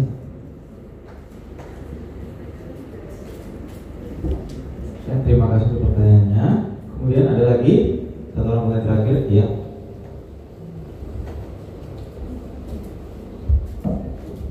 Shalom. Shalom. Perkenalkan nama saya Marcos Malora dari Jambi. Saya ingin sedikit bertanya, namun pertanyaannya ada dua. Yang pertama, bagaimana tanggapan dari pembicara melihat bahwa UKM atau PMK dalam kampus yang kehilangan esensi. Dia telah bahwa kita lihat dalam realitas sekarang bahwa PMK dalam suatu universitas sudah sibuk tentang misalnya legalitas contoh besarnya yang kami hadapi daripada mengembangkan pelayanannya. Kemudian yang kedua, bagaimana pembicara menyikapi karena sudah pernah memimpin kelompok kecil, namun AKK dalam kelompok kecil tersebut belum bertumbuh begitu. Bagaimana solusi dari pembicara sendiri? Terima kasih. Shalom. Ya, kita akan langsung menjawab pertanyaannya. Yang pertama dari Anastasia Jambi dari pertanyaannya eh, bagaimana eh, tanggapan kita dengan eh, alasan-alasan orang tua yang eh, apakah itu eh, fokusnya ke ilmu atau yang lain. Jadi tidak diberi izin untuk mengikuti PMK ataupun eh, PDO ataupun kelompok kecil. Bang Helik dulu. Baik. Saya pikir yang perlu kita lihat tidak juga melawan orang tua, tetapi yang perlu ditampilkan adalah bukti kalau kita anak PMK itu seperti apa. Bukti bahwa ketika kita mengikuti persekutuan, kita menjadi pribadi yang lebih baik. Karena orang tua saya yakin kalau melihat perubahan yang positif dalam hidup anaknya, dia akan senang. Nah itu dulu tuh, saya pikir ya. Ikut PMK tapi bangun tidur ya kamar berantakan, gitu ya. Tempat tidur busuk, nggak rapi, nggak disiplin. Ya kan orang tua kamu ngikutin kegiatan kerohanian kan seharusnya jadi karakter yang lebih baik, jadi pribadi yang lebih baik. Tapi kalau itu nggak ada, kamu ikut apa? Sama aja.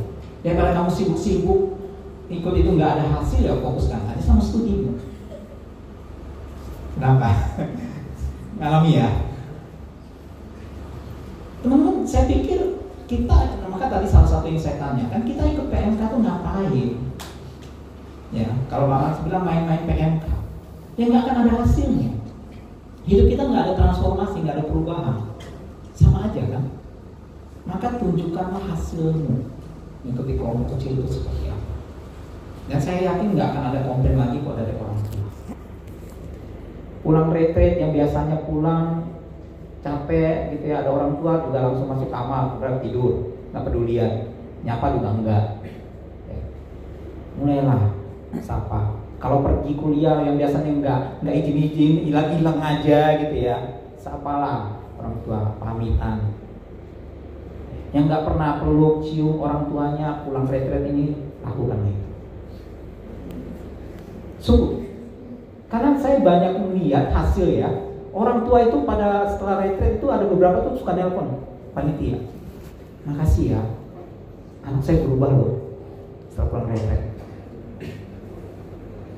Nah, saya yakin kalau orang tua melihat perubahan yang positif, nggak akan marah, bahkan akan dukung. Maka tunjukkanlah, gitu ya. Saya, saya pikir itu hal yang paling utama. saya menyadari eh, ya tidak ada mungkin perlu perjuangan kali ya. Perjuangan paling utama sih dalam doa. Uh, yang kayak Bang Hendrik bilang ada orang tua yang mungkin melihat perubahan. Tapi juga saya pikir harus jelas dari dalam diri kita. Jadi kalau orang pakai alasan orang tua, berarti dia sendiri sebenarnya tidak merasa itu kebutuhan dia. Nah ini yang saya pikir gimana ya menolong generasi ini. Kalian mungkin lebih tahu caranya melihat misalnya ini penting. Misalnya kalau kita lapar kita butuh makan, maka kalau jiwa kita haus, lapar, kita butuh asupan rohani. Nah, ini kesempatan yang Tuhan berikan. Walaupun pada titik tertentu saya pikir ya orang itu yang mesti memilih, kita nggak boleh memaksa. Saya beberapa kali dengan adik kelompok saya, males bang, susah saat teduh. Akhirnya saya tanya aja, saat teduh itu buat siapa? Buat kamu atau buat Tuhan? Kalau kau nggak saat teduh, Tuhan rugi apa? Iya sih, enggak ya, aku yang rugi. Ya sudah, jadi memang sulit sekali membawa orang bergerak dari melihat ini keharusan sampai melihatnya ini menjadi sesuatu yang dia butuhkan. Nah, jadi saya pikir sebenarnya kalau kamu sadar kamu butuh itu, maka meskipun orang tua mungkin melarang, kita akan berjuang dengan cara yang tertentu. Salah satu adik yang kami layani uh, bertobat dari agama seberang pindah jadi Kristen. Dan salah satu yang sulit sekali buat dia adalah dia harus melawan orang tuanya sendiri, mamanya. Uh, dan saya lihat itu ya, beberapa kali dia WA saya, abang aku kangen mau ke gereja. Tapi susah sama mama, dia carilah gereja yang Sabtu. Aku dia datang, uh, dia pamit sama mamanya ke rumah teman mah Benar ke rumah teman, lalu temannya bawa ke gereja kan? Jadi ke gereja. Jadi saya mikir gitu, gila ya anak ini nerobos semua kesulitan karena dia sadar dia butuh, dia kangen sama Tuhan. Nah kita ini yang sudah dekat sama Tuhan dari kecil Kristen, nama kita ada nama Alkitabnya ya, Maria, Marta, Markus, Yohanes. Tapi sebenarnya bisa jadi kita adalah orang-orang yang tidak dibentuk dengan cinta yang mendalam. Nah, itu bagaimana menumbuhkannya? Saya pikir mari kita doakan sama-sama. Kalau kalian juga jadi kakak abang senior di PMK aja ingatkan dia. Walaupun ya balik lagi saya nggak mau. Ya sudah kita nggak bisa memaksa. Semakin lama saya di pelayanan saya sadar bukan Tuhan yang butuh pelayanan saya tapi saya yang butuh pelayanan supaya menjaga saya punya kerohanian yang terus dekat dengan Tuhan jadi jangan dibolak-balik ya seolah-olah Tuhan butuh sekali sama kita. Padahal sebenarnya kita yang sangat butuh Tuhan. Thank you. Itu pertanyaan kedua dari dari penawar aku. E, bagaimana cara kita bisa menyeimbangkan antara keduanya antara ilmu dan juga iman?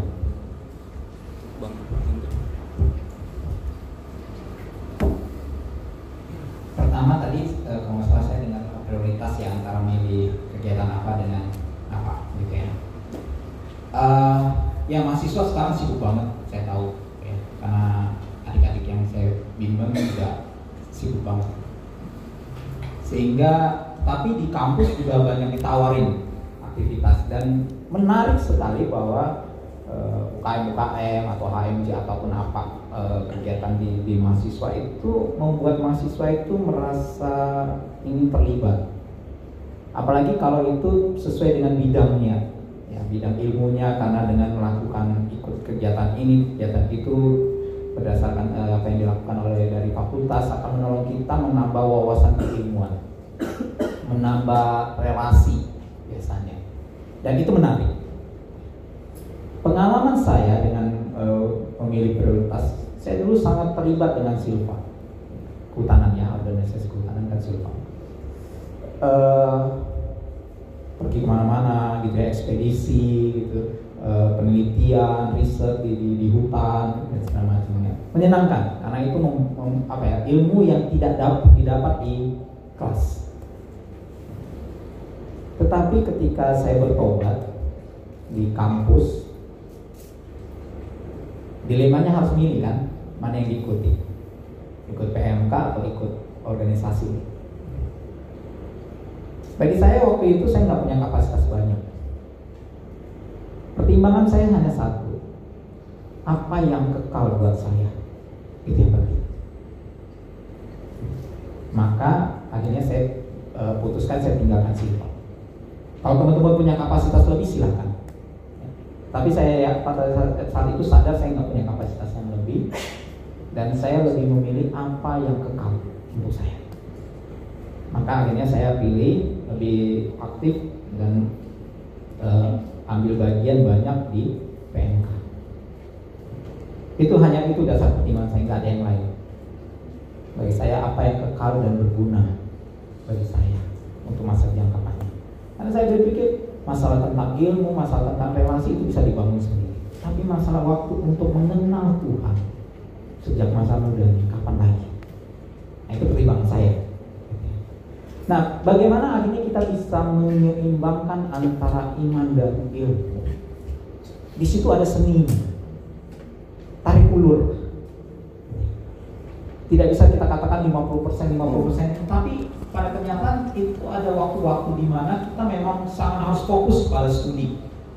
Masa-masa ujian, yang masa-masa akhir, itu kita akan banyak fokus. Sadar mau sadar tidak atau mau atau enggak gitu ya ya kita memang akan arah ke sana. Tapi kan tidak semuanya tidak setiap waktu ya kita itu fokus pada studi.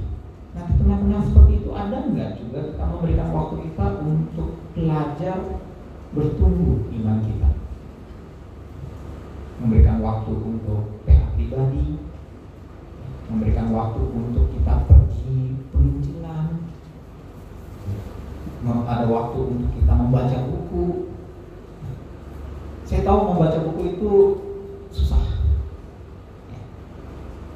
Saya mengalami kok temennya. Tapi mau nggak mau saya akan paksa. Setiap kali sebelum tidur, gitu ya, walaupun udah capek, saya minimal baca tiga lembar. Paksa gitu ya, awalnya. Susah, tapi lama-lama kalau itu sudah terbiasa, nggak ada masalah lagi. Itu hanya soal kebiasaan yang kita bangun. Tubuh ini nih Tuhan rancang itu tuh luar biasa. Gitu.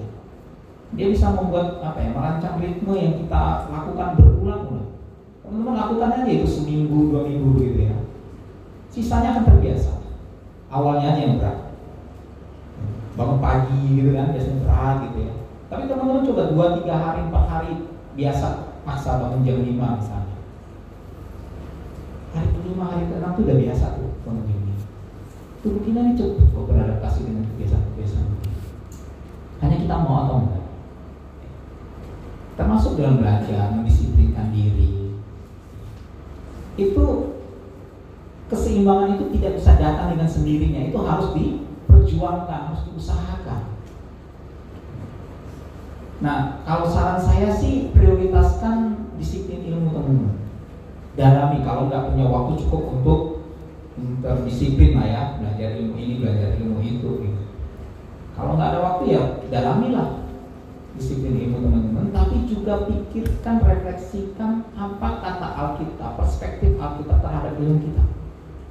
Nah seperti yang saya tantang yang matematika dengan Allah dengan Allah hukum Taurat dengan KUHP firman Allah dengan dengan kitab-kitab undang-undang dan segala macamnya. Itu menolong kita untuk bisa melihat relasi yang dalam. Saya yakin kalau kita bisa sampai ke sana, itu senang itu luar biasa. Menemukan itu tuh teman-teman akan sangat apa ya? Itu akan mendorong kita untuk mencari lebih dalam lagi. Jadi bagaimana menyeimbangkan itu saya pikir itu seni tidak bisa dikasihkan satu pola tertentu itu juga tergantung pola belajar teman-teman ya, kalau saya ini orangnya pola belajarnya itu visual saya audio tuh kurang-kurang kuat gitu. kalau orang ngajar itu saya harus membuat catatan saya dengan gambar ya.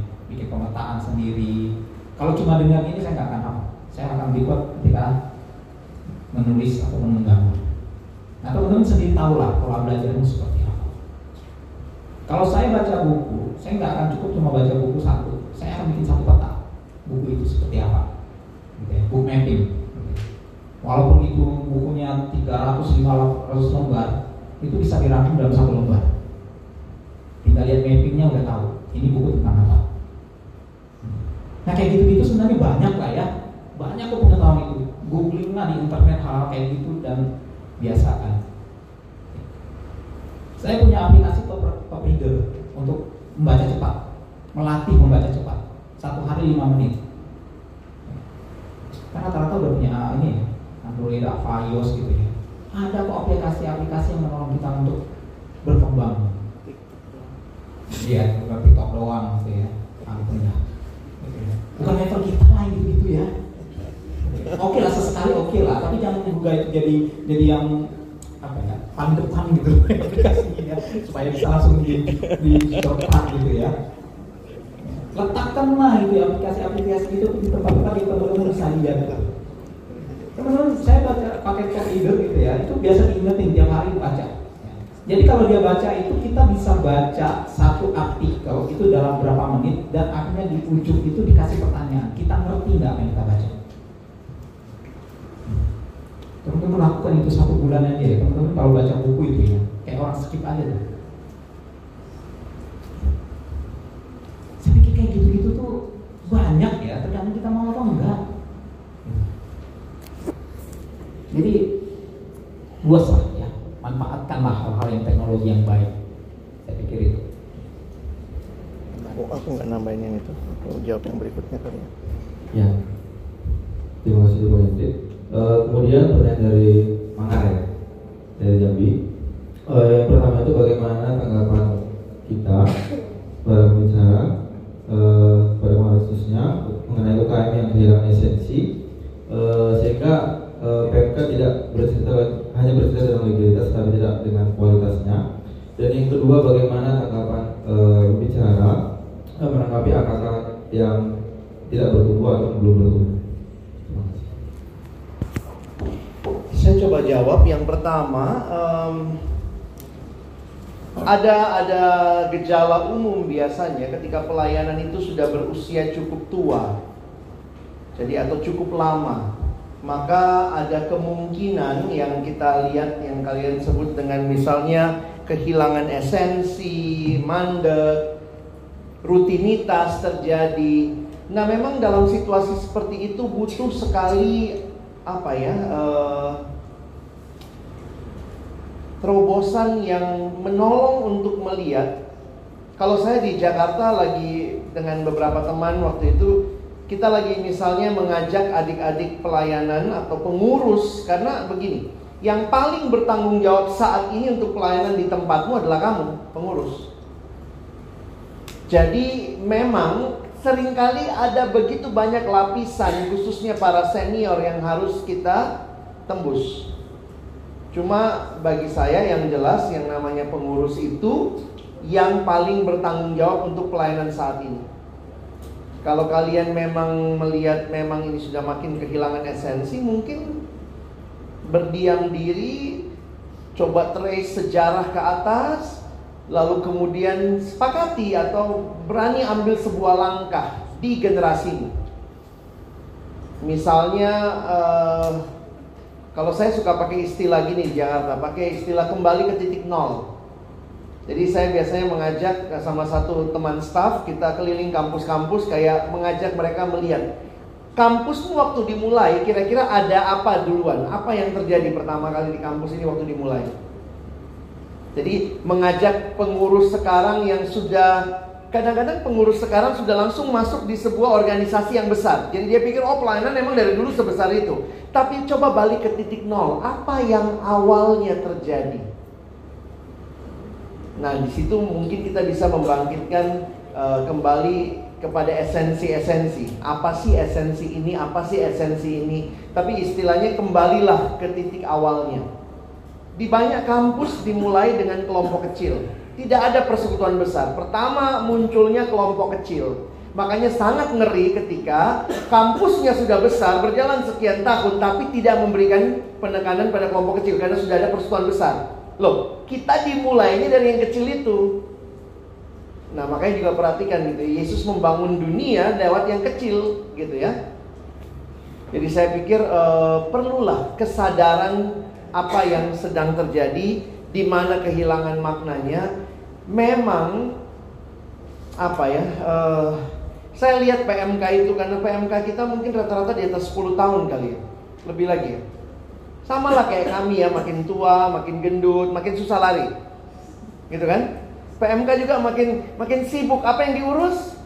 Hal-hal yang mungkin sebenarnya itu penting tapi tidak urgent-urgent amat begitu. Tanpa itu pun kita tetap jalan.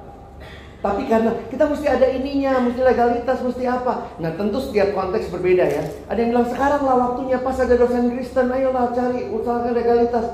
Tapi ketika itu semua bergerak ke arah situ, kelompok kecil diabaikan, persekutuan nggak diurus dengan baik. Nah kita mesti balik tuh lihat apa hal-hal inti yang jangan sampai terlupa.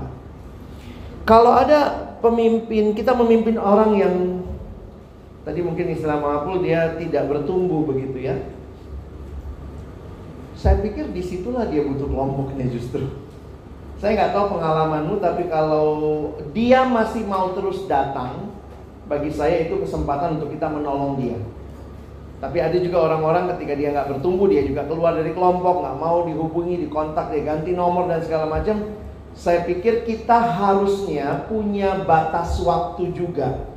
Saya punya pengalaman dengan kelompok kecil yang saya pimpin, saya kasih batas waktu. Satu semester itu untuk ngejar, benar-benar ngejar lah. Tapi kalau satu semester masih dikejar terus, berarti kan mana tahu memang dia nggak mau kan? Mendingan saya pimpin yang mau, kira-kira begitulah.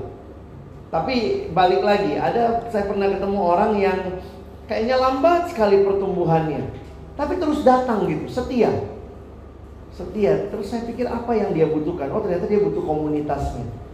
Dari komunitas itu saya banyak kasih waktu pribadi kepada dia di luar kelompok.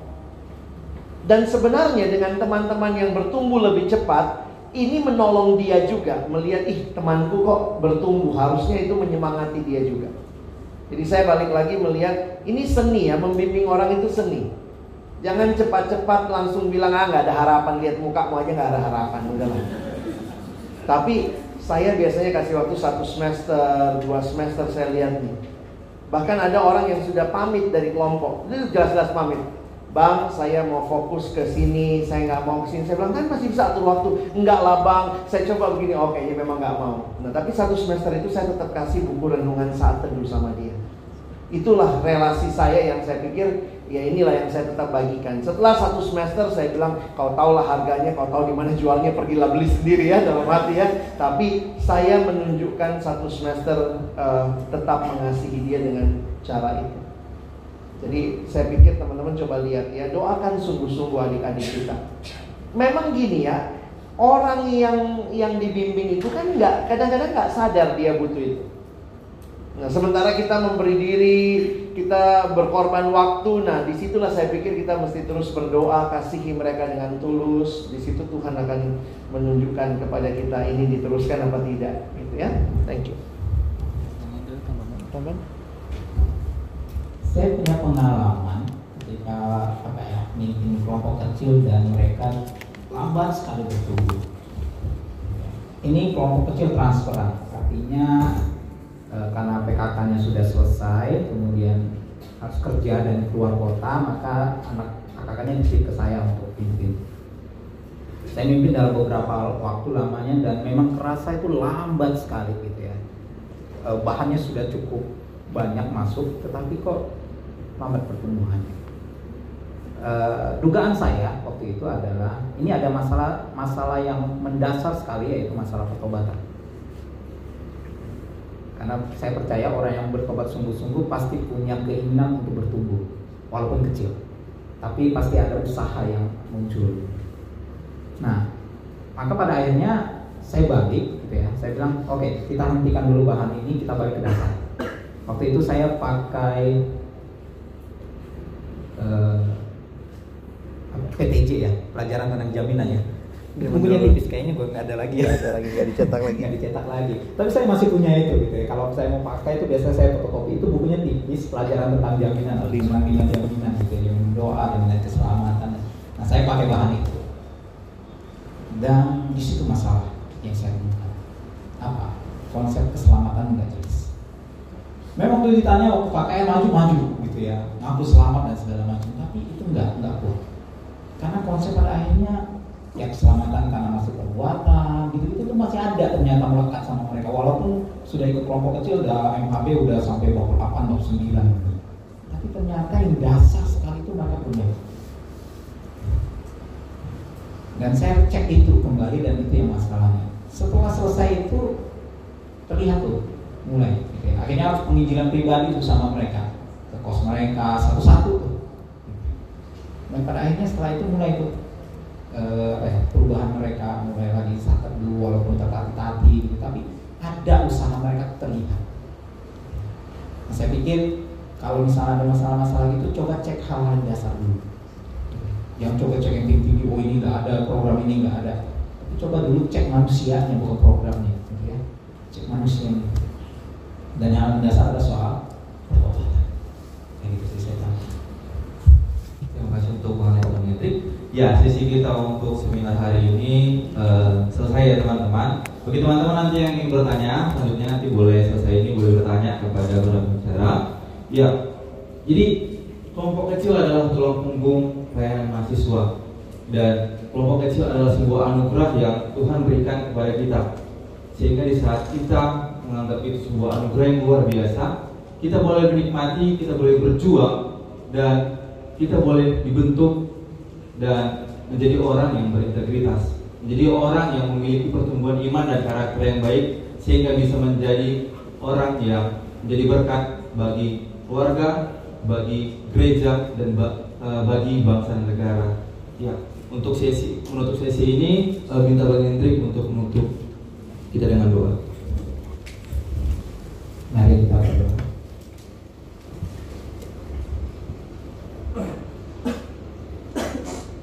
Kepada Allah yang beranugerah atas hidup dan pelayanan kami.